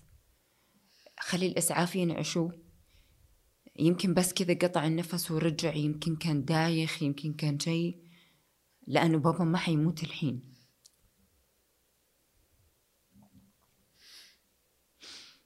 لأنه مو المفروض إنه هو يموت الحين. أنا لسه أبغاه. هو كان دائما يقول يعني أنا طول الله في عمري أنا الله يديمني على راسكم. فكنت أقول مستحيل أصلا بابا ما يموت. مش مش بس.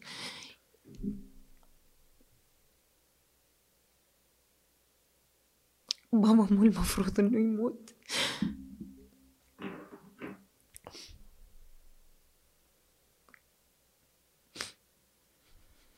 أنا كنت لسه أبغاه. ما شبعت منه.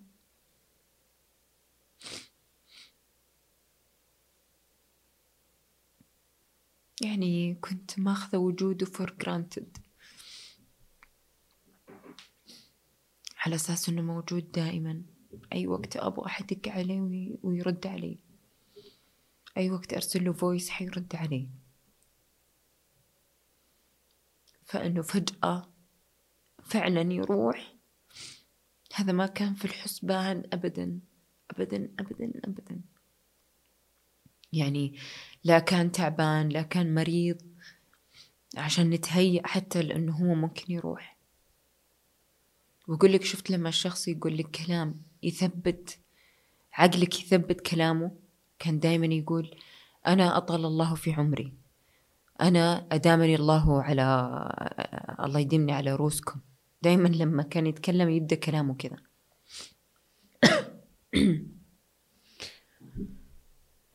وبعدين يعني هل هو شفت لما يقول لك عمر الشقي باقي يعني استغفر الله كنت أقول بابا شقي مو المفروض يموت الحين.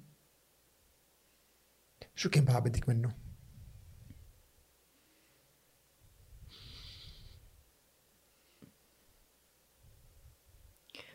كنا متفقين.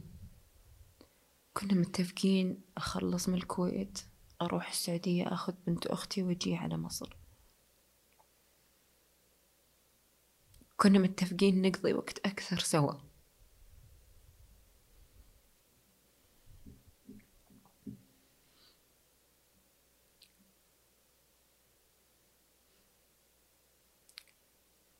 كنت أبغى يشوف عيالي. يكون معاي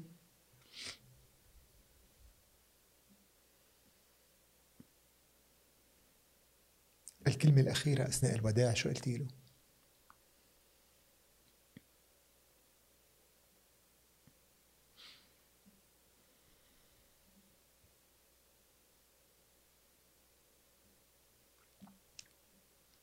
ما كنت مستعدة ما كنت مستعدة حتى لما جاءوا وخلاص قبل لا يدفنوا.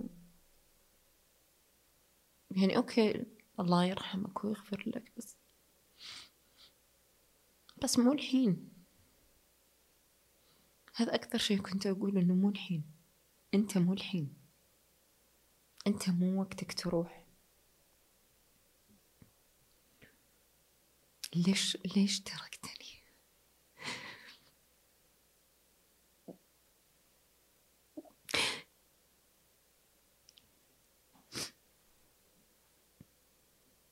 ليش خليتني؟ ما كنت مستعدة أبدا. لسه كنت أبغى أقضي معاه وقت. لسه كنت وعدته بأشياء كثير أسوي له إياها. كنا متفقين على أشياء كثير نسويها سوا. بس خلاني. خلاني وراح.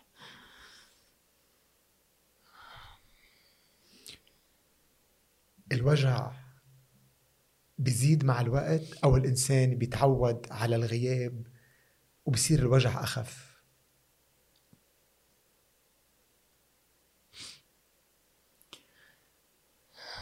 مع الوقت يخف الموضوع. بس دموعك بيقولوا عكسك.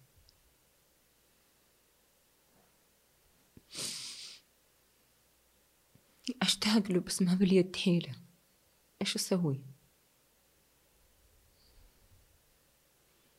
لما كتير تشتاقي له شو بتعملي؟ أكتب له واتساب.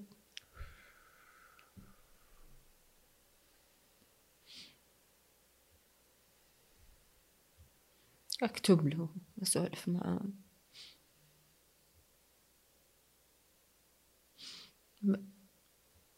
بس اللي يضايقني إنه ما يجي رد.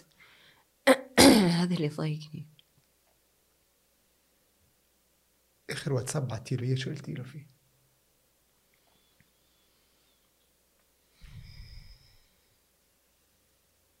اشتاقت لك مرة. يا ريتك معي. اختاروني لجنة. يكون في اللجنة. يا ريتك موجود. كنت حتكون فخور فيني.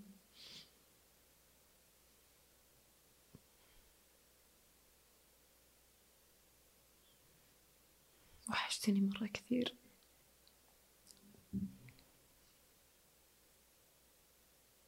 إذا هلا بدك تبعتي له رسالة.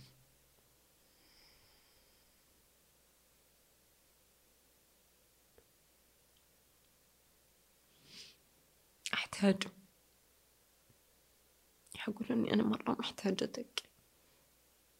أنا أبغاك. يعني أحيانا أتخيل إنه هو قاعد يطبطب علي. أتذكر يده لو كنت أحضنه ويطبطب علي. وحشني مرة وحشني مرة. يعني بابا ما كان الشخص الهادي. بابا يعمل لك أزعرينة في المكان. يعمل لك جو يضحكك يخانقك. كل شيء تبغاه في نفس القعدة. صوته عالي يضحك يهزئ نضحك نتشاد. كل شيء. قلت نحن بنكبر وبناخد أهلنا for granted وبنكون بطالع عبالنا نعمل معهم أمور ونعيش حياه معهم ونحقق أحلامنا معهم وبلحظة. بيجي الموت. ياخذهم.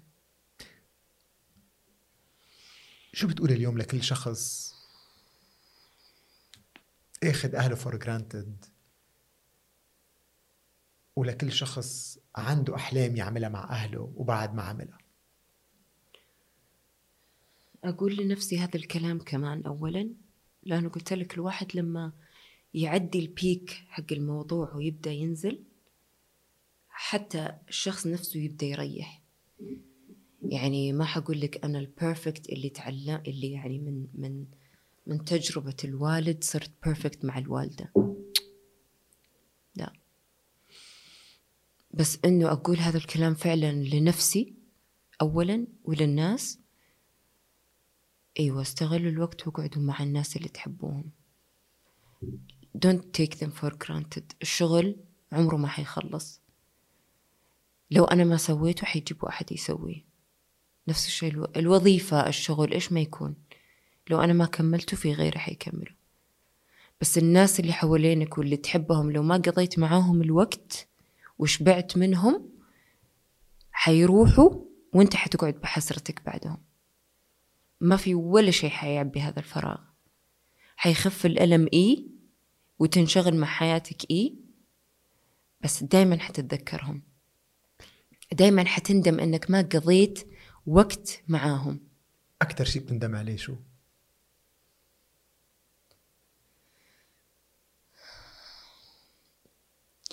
قبل لا يتوفى بكم شهر في شهرين أنا وياه تشدينا فيها. و... ويعني كذا طولت عليه ما صرت أتواصل معاه كثير. هذا أكثر شيء ندمت عليه إني ما قضيت هذا الوقت في إني أكون فيه معاه أكثر. أتواصل فيه معاه أكثر.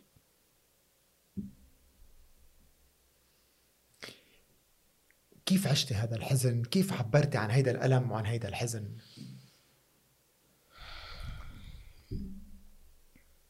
مريت بكل المراحل.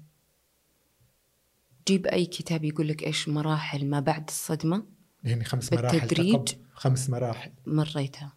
أنا ما أعرف هم خمسة أو أكثر بس اللي هو الغضب غضب عارم. آه أنا ما أعرفهم بالترتيب ولكن حقول لك أنا إيش حسيت؟ آه غضب وزعل شديد لدرجة لا متناهية. بعدين آه حاولت أهدى شوي أستوعب الموضوع استيعاب. آه بديت يعني خلاص اللي هو أقتنع أنه هو عند رب العالمين اللي أرحم مني ومن أي أحد هو هناك مبسوط. يعني لا تقعدي تفكري بطريقة سيئة. هو السيء في الموضوع أنه أنا حشتاق له فقط. ولا كمكان كراحة. هو مرتاح هو مرتاح. حالك. اللحظة يلي اللحظة اللي حلقتي فيها شعرك. حلقت. كنت بأي مرحلة من الغضب؟ من أي مرحلة من تبعات ما بعد الصدمة لما أخذت قرار؟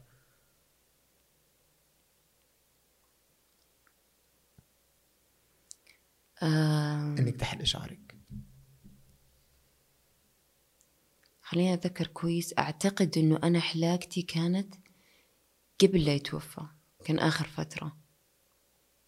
قبل لا يتوفى. بس آه لما توفى إيش التغيير اللي حسيت إني أبغى أسويه؟ مم. قص يعني أنا كنت قبل قصيت شعري أو حلقته عشان أعالج شعري. أوكي؟ بعدين لما بعد ما توفى رجعت خففته مرة ثانية صار مو مهم عندي أعالجه.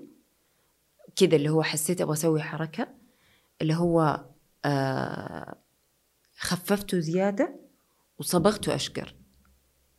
اديته لون. يعني ما ما صار همي إنه أنا يطول صحي. لا رحت حركته بالصبغة صبغته حتى فاتح وخففته.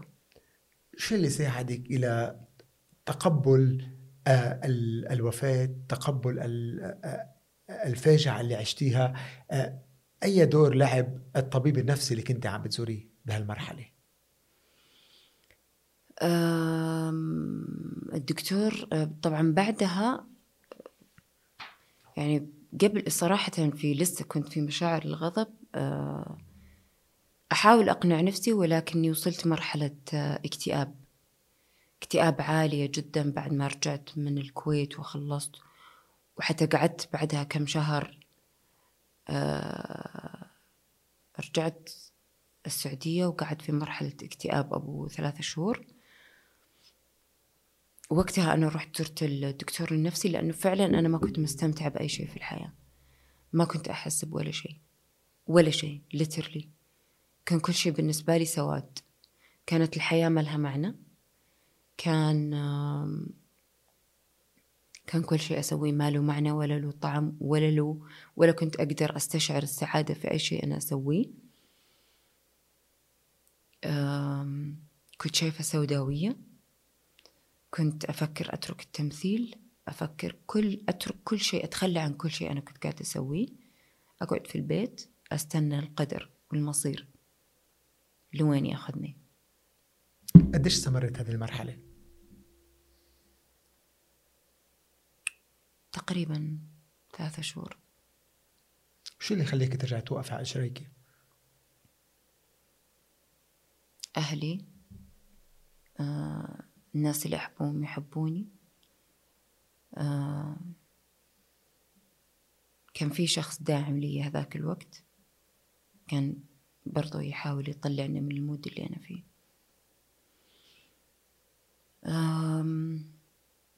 أختي كانت تقول لي إذا بابا كان شايفك أو يقدر يتكلم معاكي أو حتى هو قبل لا يتوفى إيش كان دائما يقول لنا كان دائما محضرنا لهذه اللحظة. كان دائما يقول أبغى بناتي أقوياء عشان لما أنا أروح ما تحتاجوا أحد. أكيد كان يبغانا ناجحين حتى بعد ما هو يتوفى.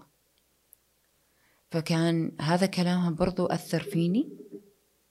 آه ماما وخوفها علي وحرصها على إني أروح الدكتور عشان أقدر أطلع من الحالة هذه.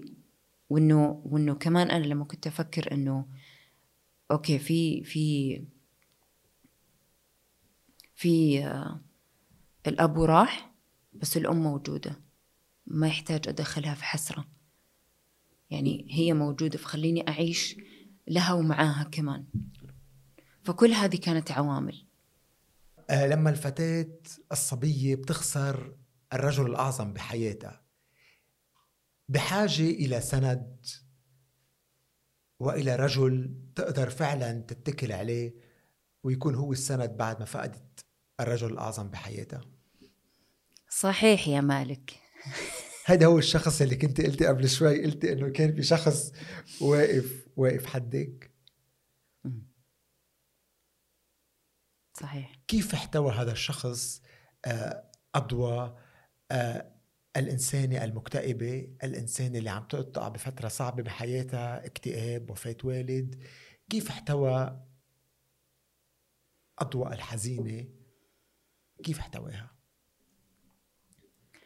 آه كان يسمع لي دائما.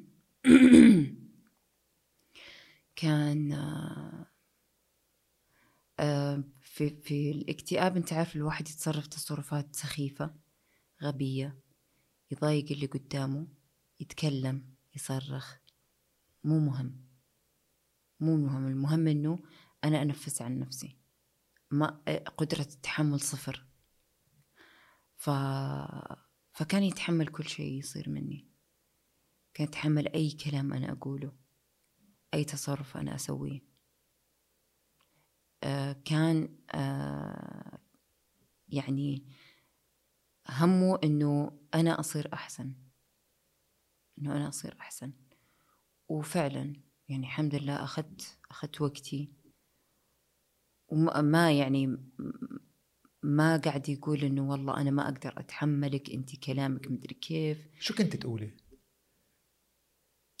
يعني أوقات بلا داعي أصرخ. يعني على أي موضوع مثلا ممكن نسولف موضوع تافه بس كذا والله أحس إني زعلانة ومتضايقة أقعد أصرخ أقعد عرفت؟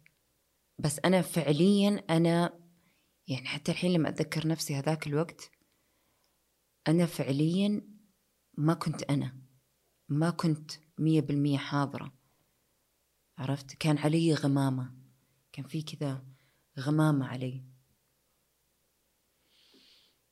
فاللي هو زي ما قلت لك لما ما تتحمل ولا شيء. فكيف تصرفك لما ما تتحمل؟ أي أحد يقول لك إيه ترد عليه. يعني حتى أهلي حتى أهلي برضو اللي هو كنت كنت معاهم بنفس الأتيتيود. بس بهالمرحلة كنت قادرة تعطي التزام لرجل يعني قادرة تكوني ملتزمة معه قادرة تحلمي انت وياه قادرة تقدري تفكري بحياة مشتركة انت وياه. وانت كنت بهاللحظات إنسانة إنسانة ضايعة منا عم تعرف أولوياتها بالحياة. شو؟ أه لا. نظرة للمستقبل إيش حيصير؟ لا. بس اللي اعرف إنه أبغى هذا الشخص يكون معي. بس إنه شيء للمستقبل ويلا ونتزوج ولا يلا نبني عيل لا لا لا لا, لسه يعني يعني ما كان رؤية واضحة أو كان أنا متأكدة إيش حنعمل أو أو لا. هو كان عم يعطيك وعم يحتويك أنت وأنت بهذه المرحلة من من حياتك. أنت كنت قادرة تعطيه بهالوقت المرأة اللي بتكون الضعيفة المكتئبة قادرة تعطي هذا الرجل قادرة تعطيه نوع من الأمان قادرة تعطيه الحب قادرة تعطيه الاهتمام. وهي امرأة عم تتخبط بينها وبين نفسها وبحالة اكتئاب. أه ما كنت أعطي يعني ما أحس إني قاعدة أعطي ولكن كنت هادية. يعني كيف أقول لك؟ شفت لما مثلا آه، لما تكون في حالة أو مش في حالتك الطبيعية وممكن اللي قدامك آه، يجي يقول لك ها رأيك نروح يمين؟ okay يمين. رأيك نروح يسار؟ okay يسار. إيش رأيك نروح على طول؟ okay على طول. يعني خلاص ما عندك مشكلة في أي شيء قاعد يصير. يلا okay نروح. يا لأنه مش هذا همي أو مش هذا ال- الشيء ال- اللي أنا قاعدة أفكر فيه. مخي مخي في جهة أخرى. مخي حزين أو أو عندي جرح جرح عميق جدا أعمق. الألم حقه أعمق من إني أنا أفكر في أي شيء ثاني. مخي مركز في الألم وعمق الجرح أكثر من أي شيء في حياتي. بيقول الحب للحب خمس لغات. أي لغة كلمك إياها هو؟ ما قدر الرجال آه، قبله يحكوكي باللغة اللي أنت بدك إياها. بتعرف الكتاب؟ The Five Languages of Love. خم... خمس خمس لغات للحب. أيوة أيوة أعرفه gifts words words of affirmation acts of services physical touch وال quality time. هدول خمس لغات الحب. أي لغة عارف. أي لغة عارف يحكيك. أي لغة. أنت أي لغة من هذه اللغات. والله أتوقع أنا كل اللغات. يعني صراحة أحب الهدايا. آه، أحب ال quality time أحب يعني أحس كله. أه والله شوف هذاك الوقت كان الاحتواء والحنان هو هو الأساس. هو الأساس يس يعني شفت لما أحس أو لما حسيت إنه العوض يعني في في رجال معاي مسؤول. في كده تقبلي إنه المرأة من دون رجل هي امرأة ضعيفة؟ ما هي ضعيفة حرة. امرأة من دون رجل هي امرأة حرة. لا. خليني أقول لك ال- الكلاكيع هي اللي تخليك تحس أو ما تحس. يعني حتى أنا أعترف في نفسي إنه أنا عندي آه، مشكلة الحرية ترى هذه مشكلة بالنسبة لي. ولما مثلا زي كذا لما لما مثلا آه، يسألني وين رايحة وين جاية ترى كان عندي مشكلة برضه اللي هو عفوا أنت بتقيد حريتي؟ بس زي ما قلت لك الكلام النقاش بين الاثنين مفيد. فلما يجي يشرح لي ويقول لي يا بنت الناس أنا لا أبغى أقيد حريتك ولا أبغى أسوي أي شيء من الأفكار حقتك. أنا ارتحتي. بالضبط. طيب بس ما فيك كمان اليوم تقول لشريك حياتك بدك شريك ما في يسألك أنت وين رايحة أنت وين جاية وأي ساعة رايحة وأي ساعة راجعة من باب الشراكة. مش من باب تقييد الحرية. ليش اليوم. النساء بعض النساء بيفتكروا إذا هذا الرجل سأل هذا السؤال هذا الرجل بده يقيد حريتها. ليش ما بتعتبر إنه هيدا شريك حياتها؟ وبده يطمن عليها وبده يعرف شو عم تعمل وين راحت وين إجت. نشوف الكلاكيع. يعني في حريم ما ما, ما عندهم مشكلة يسألها ومرة عادي بالعكس تقول له بس اللي اللي ما تتقبل هذا الشيء معناته عندها مشكلة نفسية. في تبعات شيء صار لها في حياتها. آه، تقييد حرية صار لها في حياتها وأنا يعني ما أدري أم يعني قاعدة أحفر في حياتي عشان أشوف أنا ليش عندي هذه المشكلة. ممكن امرأة تكون حرة وهي امرأة متزوجة مع شريك ممكن تكون حرة. صحيح. مفهوم الحرية يقيد لما أنت تكوني عندك شريك معك وبكرة إذا عندك عائلة مفهوم الحرية تقيد. يعني مفهوم الحرية يقيد المفهوم. كلمة أه. حرية ما بتعود امرأة فعلا امرأة حرة. ما هو زي ما قلت لك حرة في في في في مساحتي. عرفت؟ في, في الأشياء اللي عندي. يعني أنا إيش أبغى؟ الحرية في إيش؟ إنه أنا أقدر أشتغل؟ أنا أقدر أشتغل. وأنا متزوجة وعندي عيال. أقدر. آه أنا مثلا أبغى أسافر؟ أقدر أسافر. وأنا متزوجة وعندي عيال. حسب أنت رابط معنى كلمة حرية في إيش. تسافر لوين؟ الأردن؟ حسافر إن شاء الله. العرس في المملكة؟ أو في المملكة والمملكة في الأردن. في المملكة الأردنية الهاشمية ولا في المملكة العربية السعودية؟ لا في السعودية. إن شاء الله هنا. جبتي لعندك يعني. أنا أروح له وهو يجيني كلنا.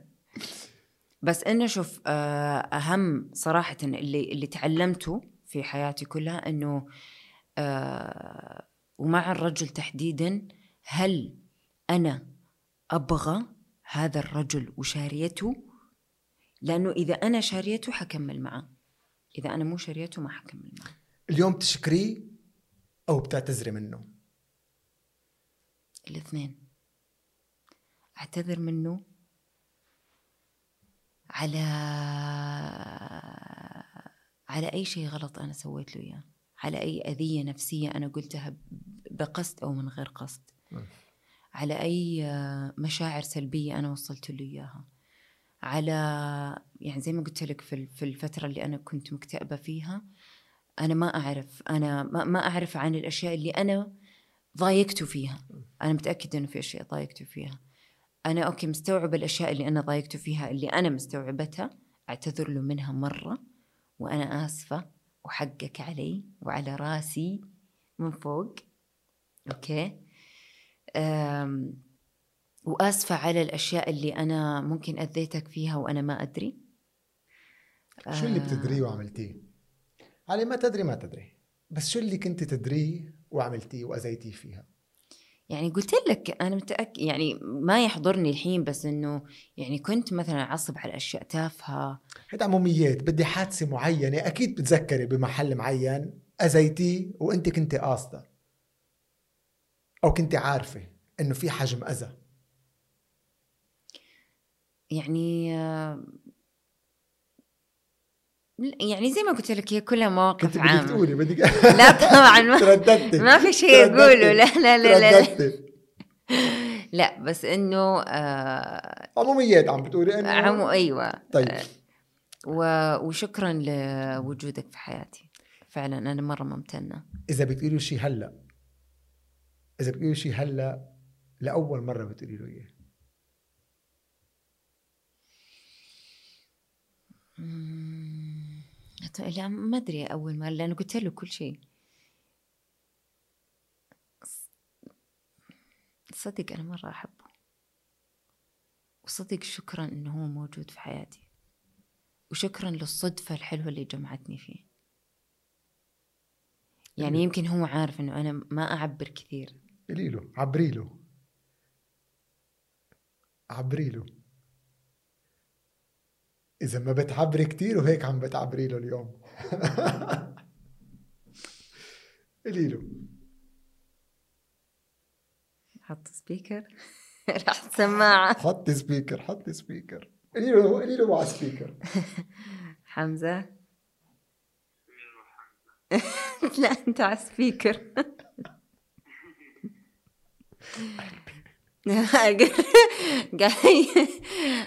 قربت الجوال للمايك يا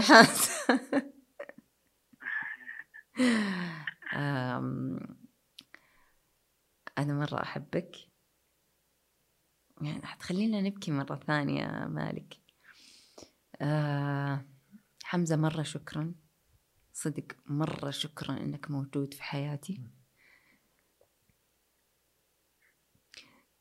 بالعكس يا حبيبي. أنا مرة ممتنة. واجب وأنا أحبك كمان. ممتنة لل... للصدفة الحلوة اللي جمعتني فيك. آه يمكن أنت ما تحس إنه أنا حنونة. يمكن تشوف إن أنا قاسية.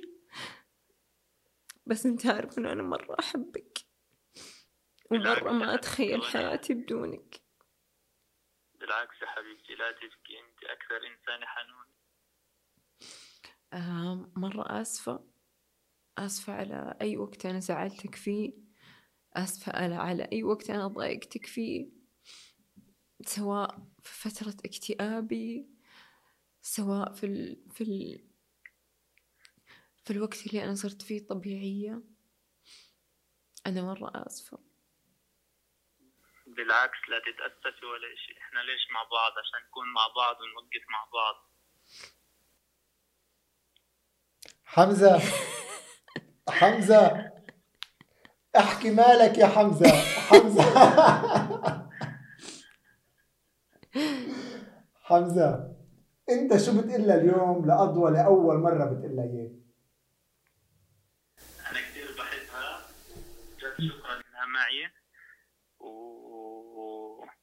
وبصراحة لما تعرفت على أضوى وبعدين إنها كانت معي كل إشي تغير معي بالحياة وكثير شفت صرت أشوف الحياة تختلف رح تقيد لها حريتها؟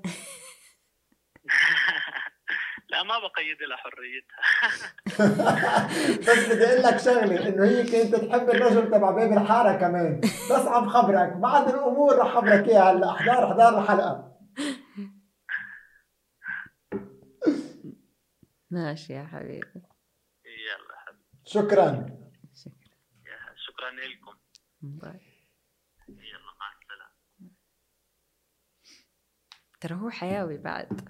رجع رجع الحب. خليك ترجع تضوي صحيح على شو اتفقتوا؟ شو أهمية يتفقوا الاثنين على أي نقاط اتفقتي أنت أنت وخطيبك اليوم؟ أي نقاط اتفقتوا عليها قبل الزواج؟ وقديش مهم هذا الاتفاق بين بين الرجل وزوجته قبل ما يتجوزوا؟ أو خطيبته قبل ما يتجوزوا قبل ما تصير زوجته. أهم شيء أهم اتفاق الصراحة اتفقنا فيه اتفقنا عليه إنه آه، وهو اللي قال لي عليه فعليا إنه أي شيء يضايقنا نتكلم فيه. بلحظتها أيوه. وعدم وعدم تراكم المشاكل وتراكم المشاعر السلبية وتراكم أي شيء. صحيح. وإنه آه، وإنه لما مثلا أجيكي متضايق أو أي حاجة آه، عادي إنك مثلا مو شرط تردي علي في وقتها آه، عشان لا تكبر المشكلة. عرفت؟ لأنه أنا بطبعي اندفاعي. فكان يقول لي ريلاكس مو شرط لو أنا جيتك معصب عادي تحتويني. لو أنت جيتيني معصبة أنا أحتويكي. ف please إنه يعني نكون هادين سوا وأي شيء يضايقنا ما نعديه بدون ما نتكلم. لازم نتكلم عشان نطلع كل شيء في خواطرنا ونلاقي common ground أو يعني حلقة وصل وتفاهم يعني عرفت نتفاهم من خلالها لازم. تتخيلي حالك إن شاء الله شو يعني أمومة؟ يعني ذا الطفل الضعيف المسكين لما يجي آه، أعطيه كل المشاعر اللي هو يحتاجها. آه، أربيه أعامله كبني آدم مو بني آدم قصدي مشاعر. حتى لو طفل فهو عنده مشاعر. ممكن تنقمع ممكن تتأثر ممكن أي شيء منه هو صغير. بالعكس حتى العمر الصغير كريتيكال مرة أكثر من لما يكبر. لأنه هذا العمر هو أساس تكوين كل السنين الجاية والشخصية اللي حنشوفها في الأخير. الأمومة تضحية. ممكن أضوى تضحي كرمال أمومتها. ممكن تضحي بمسيرتها المهنية.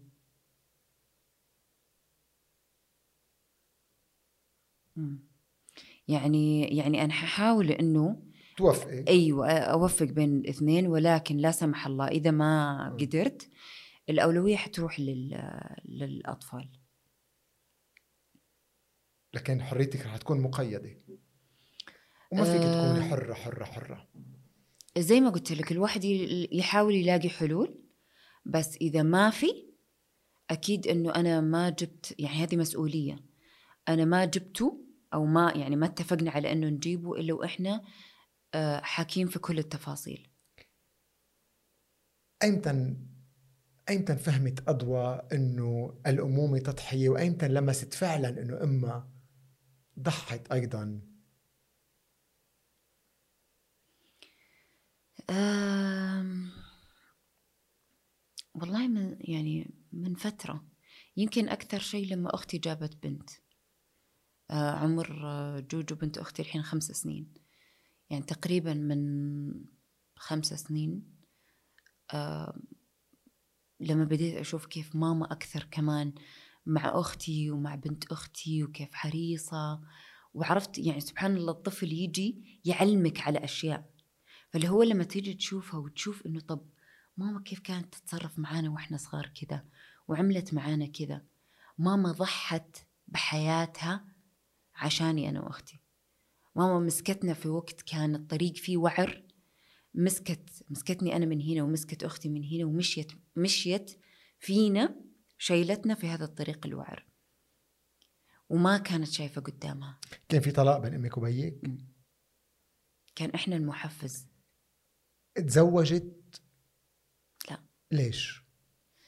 آه عشان أنا وأنا صغيرة آه جيت قلت لها في يوم إنه ما أتخيل إنه يكون في رجال في بيتنا أو في غرفتك عشان ما ح... ما حصير أقدر أدخل عليكي بالليل وأنام جنبك لأن في رجال في غرفتك. فهي مرة أخذت على عاتقها هذه الجملة و... و... وقطعت قطعت باب الزواج هذا تماما مع إنها كان عمرها صغير. وكان تعرف يعني أي امرأة معها أطفال وصغيرة في العمر محتاجة السند محتاجه رجال يكون في حياتها. حق وحاجة. صحيح. وبالرغم من هيدا الشيء استغنت عنه تماما عشاننا. تماما. إلى يومك. إلى يومك. هي عايشة عشاننا. أولويتها في الحياة أضوى إيش تبغى أروى إيش تبغى جوجو بنت أختي إيش تبغى. حتى لما تزعل حتى لما نتشاد أنا خلاص. أنا من اليوم حفكر في نفسي. أنا من اليوم ما حفكر فيكم. كلام. كلام فاضي. تلاقيها بعدها بساعة ساعتين.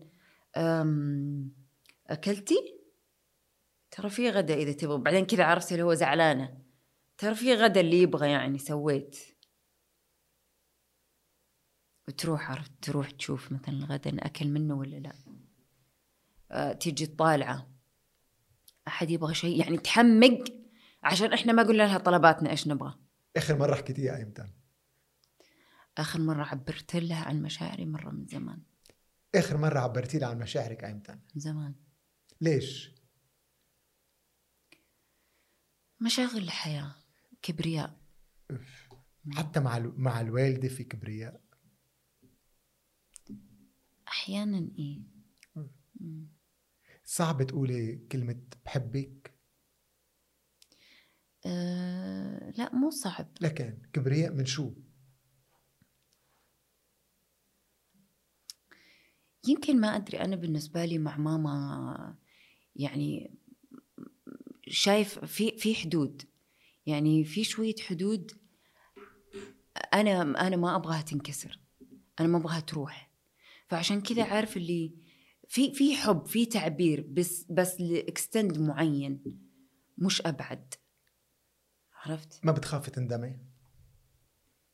لا. لا سمح الله. لا سمح الله إلا. وهذا اللي هذا التفكير اللي دائما يخليني إنه خلاص آه خلاص خليكي حنونة معاها. عبري لها عبري لها إن شاء الله تكون أتوقع صاحية.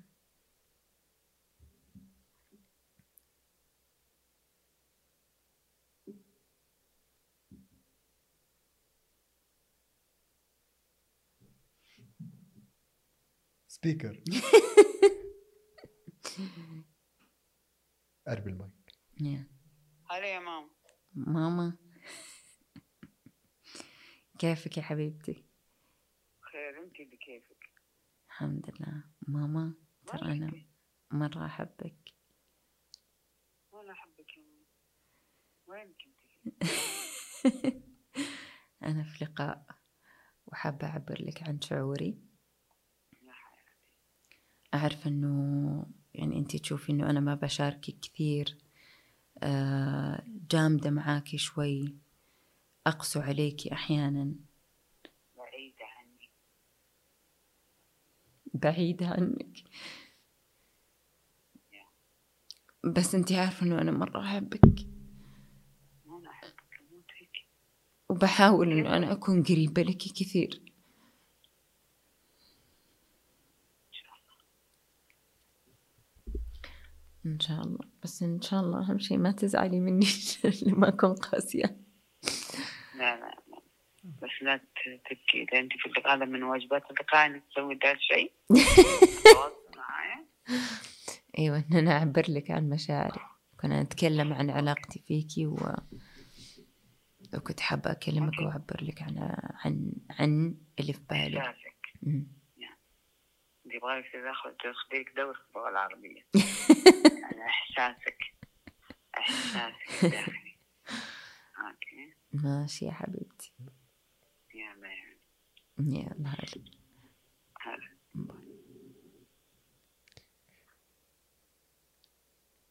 ليش ليش ليش بتتخبي بأضواء القاسية؟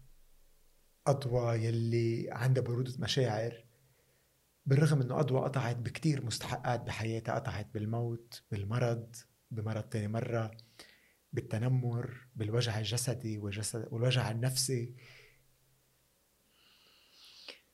أم... الشيلد حقي. الشيلد حقي عشان أنا ما, ما أتأذى أنا من جوا.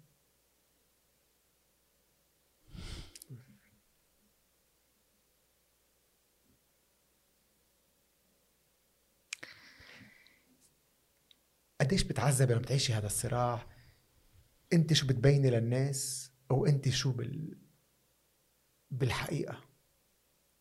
يعني حتى أقرب الناس عليك يمكن ما قدروا بعد يفهموا انت فعلا شو. يعني ما أعرف يمكن يمكن الحياة تجارب. أبغى أحمي نفسي ولقيت هذا هذا الحماية. مع إني على قولك أزعل. يعني أزعل مرة لما مثلا أرد ولا لما أقسو عليهم في الرد أو لما أقول كلام مو حلو يضايقهم. بس اللي هو ما أدري ما أدري هو إيش فيه إثبات إيش للنفس؟ إثبات إن أنا قوية وإن ترى أقدر أرد وأعرف أرد وأعرف أقسى أقسى عليكم ولا إيش؟ ما أعرف. يعني لسه هذا واحد من أشياء أنا آه، أبغى يعني أضبطها وأعدلها فيني. بتعيشي صراع بين شو بتفرجي للناس وأنت شو بتكوني عم بتعيشي؟ بس هذا صراحة مع الناس القريبة فقط. يعني اللي برا عادي. القريبة هي اللي أنا يعني عارف بالذات مثلا مثلا لما ندخل في جدال أنا وحمزة. اللي هو يعني okay الحمد لله إنه أنا قاعدة أحاول آه يعني صايرة أعرف أعمل control بس إنه مثلا اللي هو كان عندي كأنه كأنه لا أنا اللي حثبت لك لا أنا اللي حوري كأنه مجاكر الموضوع كأنه اللي هو إلين إلين تو يعني من فترة بسيطة لو فكرت مو شرط يعني ما هي مجاكر الحياة أنا ماني داخلة حرب معاه. خلاص اهدي. وإذا قال لي هذا الكلام مو شرط أنا آخذه على عاتقي وأزعل منه. عرفت؟ قاعدة أحاول أوصل لهذه المرحلة. يعني مثلا مع ماما ماما حبيبتي أحبها وكل شيء ولكن ولكن تعرف الأمهات اللي مثلا يعني زي كذا إنه إنه الحين أنا بتكلم لك في مشاعر. أعطتني كومنت عن تحسني لغتك العربية أو ممكن إنها قاعد تمزح أو ما تمزح ما أعرف بس بس عارف هذا الشيء اللي هو ماما ركزي في في صلب مشاعر اللي قاعدة أعبر لك فيها وليس طريقة كلامي. شوية عندها هذا الشيء. ممكن ممكن أعتقد إنه إحنا محتاجين أنا وماما آه نقعد سوا ونفهم بعض أكثر. عرفت؟ أفهمها وتفهمني أكثر. هو هذا.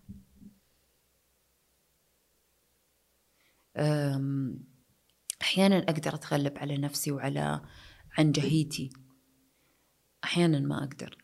وهذا اللي يخليني أرد ويخليني أبغى أثبت ويخليني عرفت؟ واللي هو أعرف إنه أنا كلامي قوي على اللي قدامي بس اللي خليني أعورك عشان تحس. عشان ما عاد تقول كذا مرة ثانية.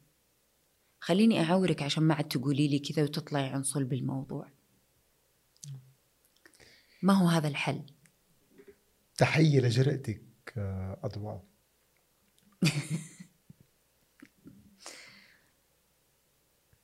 أعتقد لو ما واجهنا نفسنا ما حنعرف نلاقي حلول. يعني أنا ما بقول آه، إحنا في لقاء وإحنا قاعدين نتكلم وأنا ما جيت إلا عشان فعلا نتكلم وأقول حقيقتي. ال... أنا كيف شايفة الأمور. ولا كان ممكن زي ما قلت أجامل ولا أتكلم بطريقة مبهمة؟ المعلبة أيوة. والكليشيات عرفت؟ أيوه بالضبط. بس بس لا أنا في حياتي يعني بعد ما من 2014 بدأت رحلة التغيير في حياتي وصرت أقرأ كتب وأهمها في تطوير الذات. تبغى فعلا تتطور أنت لازم تواجه نفسك الحقيقية بكل سلبياتها وبكل إيجابياتها. لو أنت غميت عينك عن حقيقتك السلبية فأنت ما حتتعدل عمرك ما حتتعدل. بس أنا لما أعرف وين ال- الغلط فيني بالتحديد أنا حقدر أمسكه وأعدله وأحسنه أطوره أي شيء. لو حياتك فيلم أي مشهد بتبلشي فيه الفيلم؟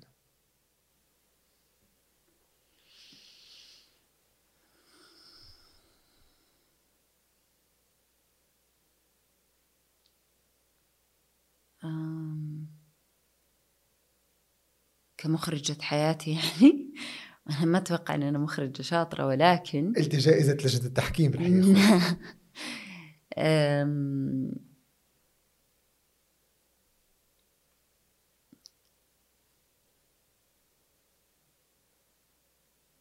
مشهد طلوعي من المستشفى.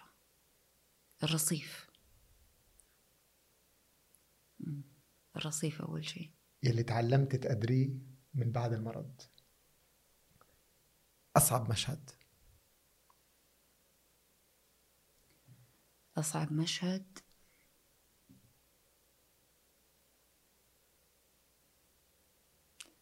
لما شفت بابا. قبل الدفن خلاص. قبل يدفنوا.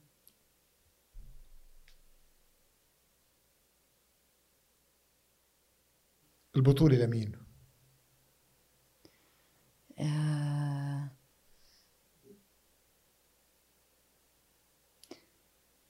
شكرا لنفسي. شكرا لنفسي على كل شيء عديت فيه. أشخاص بيلعبوا دور رئيسي بالفيلم. أروى أختي. آه خالة ناهد مرات أبوي. ماما بابا آم، هيا بنت عمتي. يعني يعني هذول اللي من من زمان إلى الآن. في كثير يعني في النهاية. حنشوف حياتي قدامنا.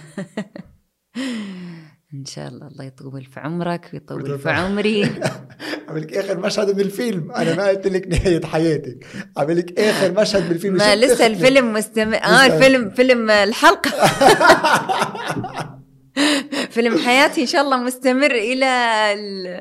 إلى ال... إلى أعلى المناصب يا كيف رب. تتخيلي كيف تتخيلي أو كيف بتحب تكون النهاية؟ بعد عمر طويل. بعد عمر طويل. أم... أهم شيء حسن الخاتمة والله. يعني ما أقدر أتخيل الصراحة ما أعرف. يعني ما ودي عرفت لما الواحد يتخيل إنه أنا قاعدة بين أهلي عيالي زوجي بعدين أموت؟ لا يعني أستغفر الله طب هم حيزعلوا هم حيتعبوا. أكيد ما يهون علي تعبهم من بعدي.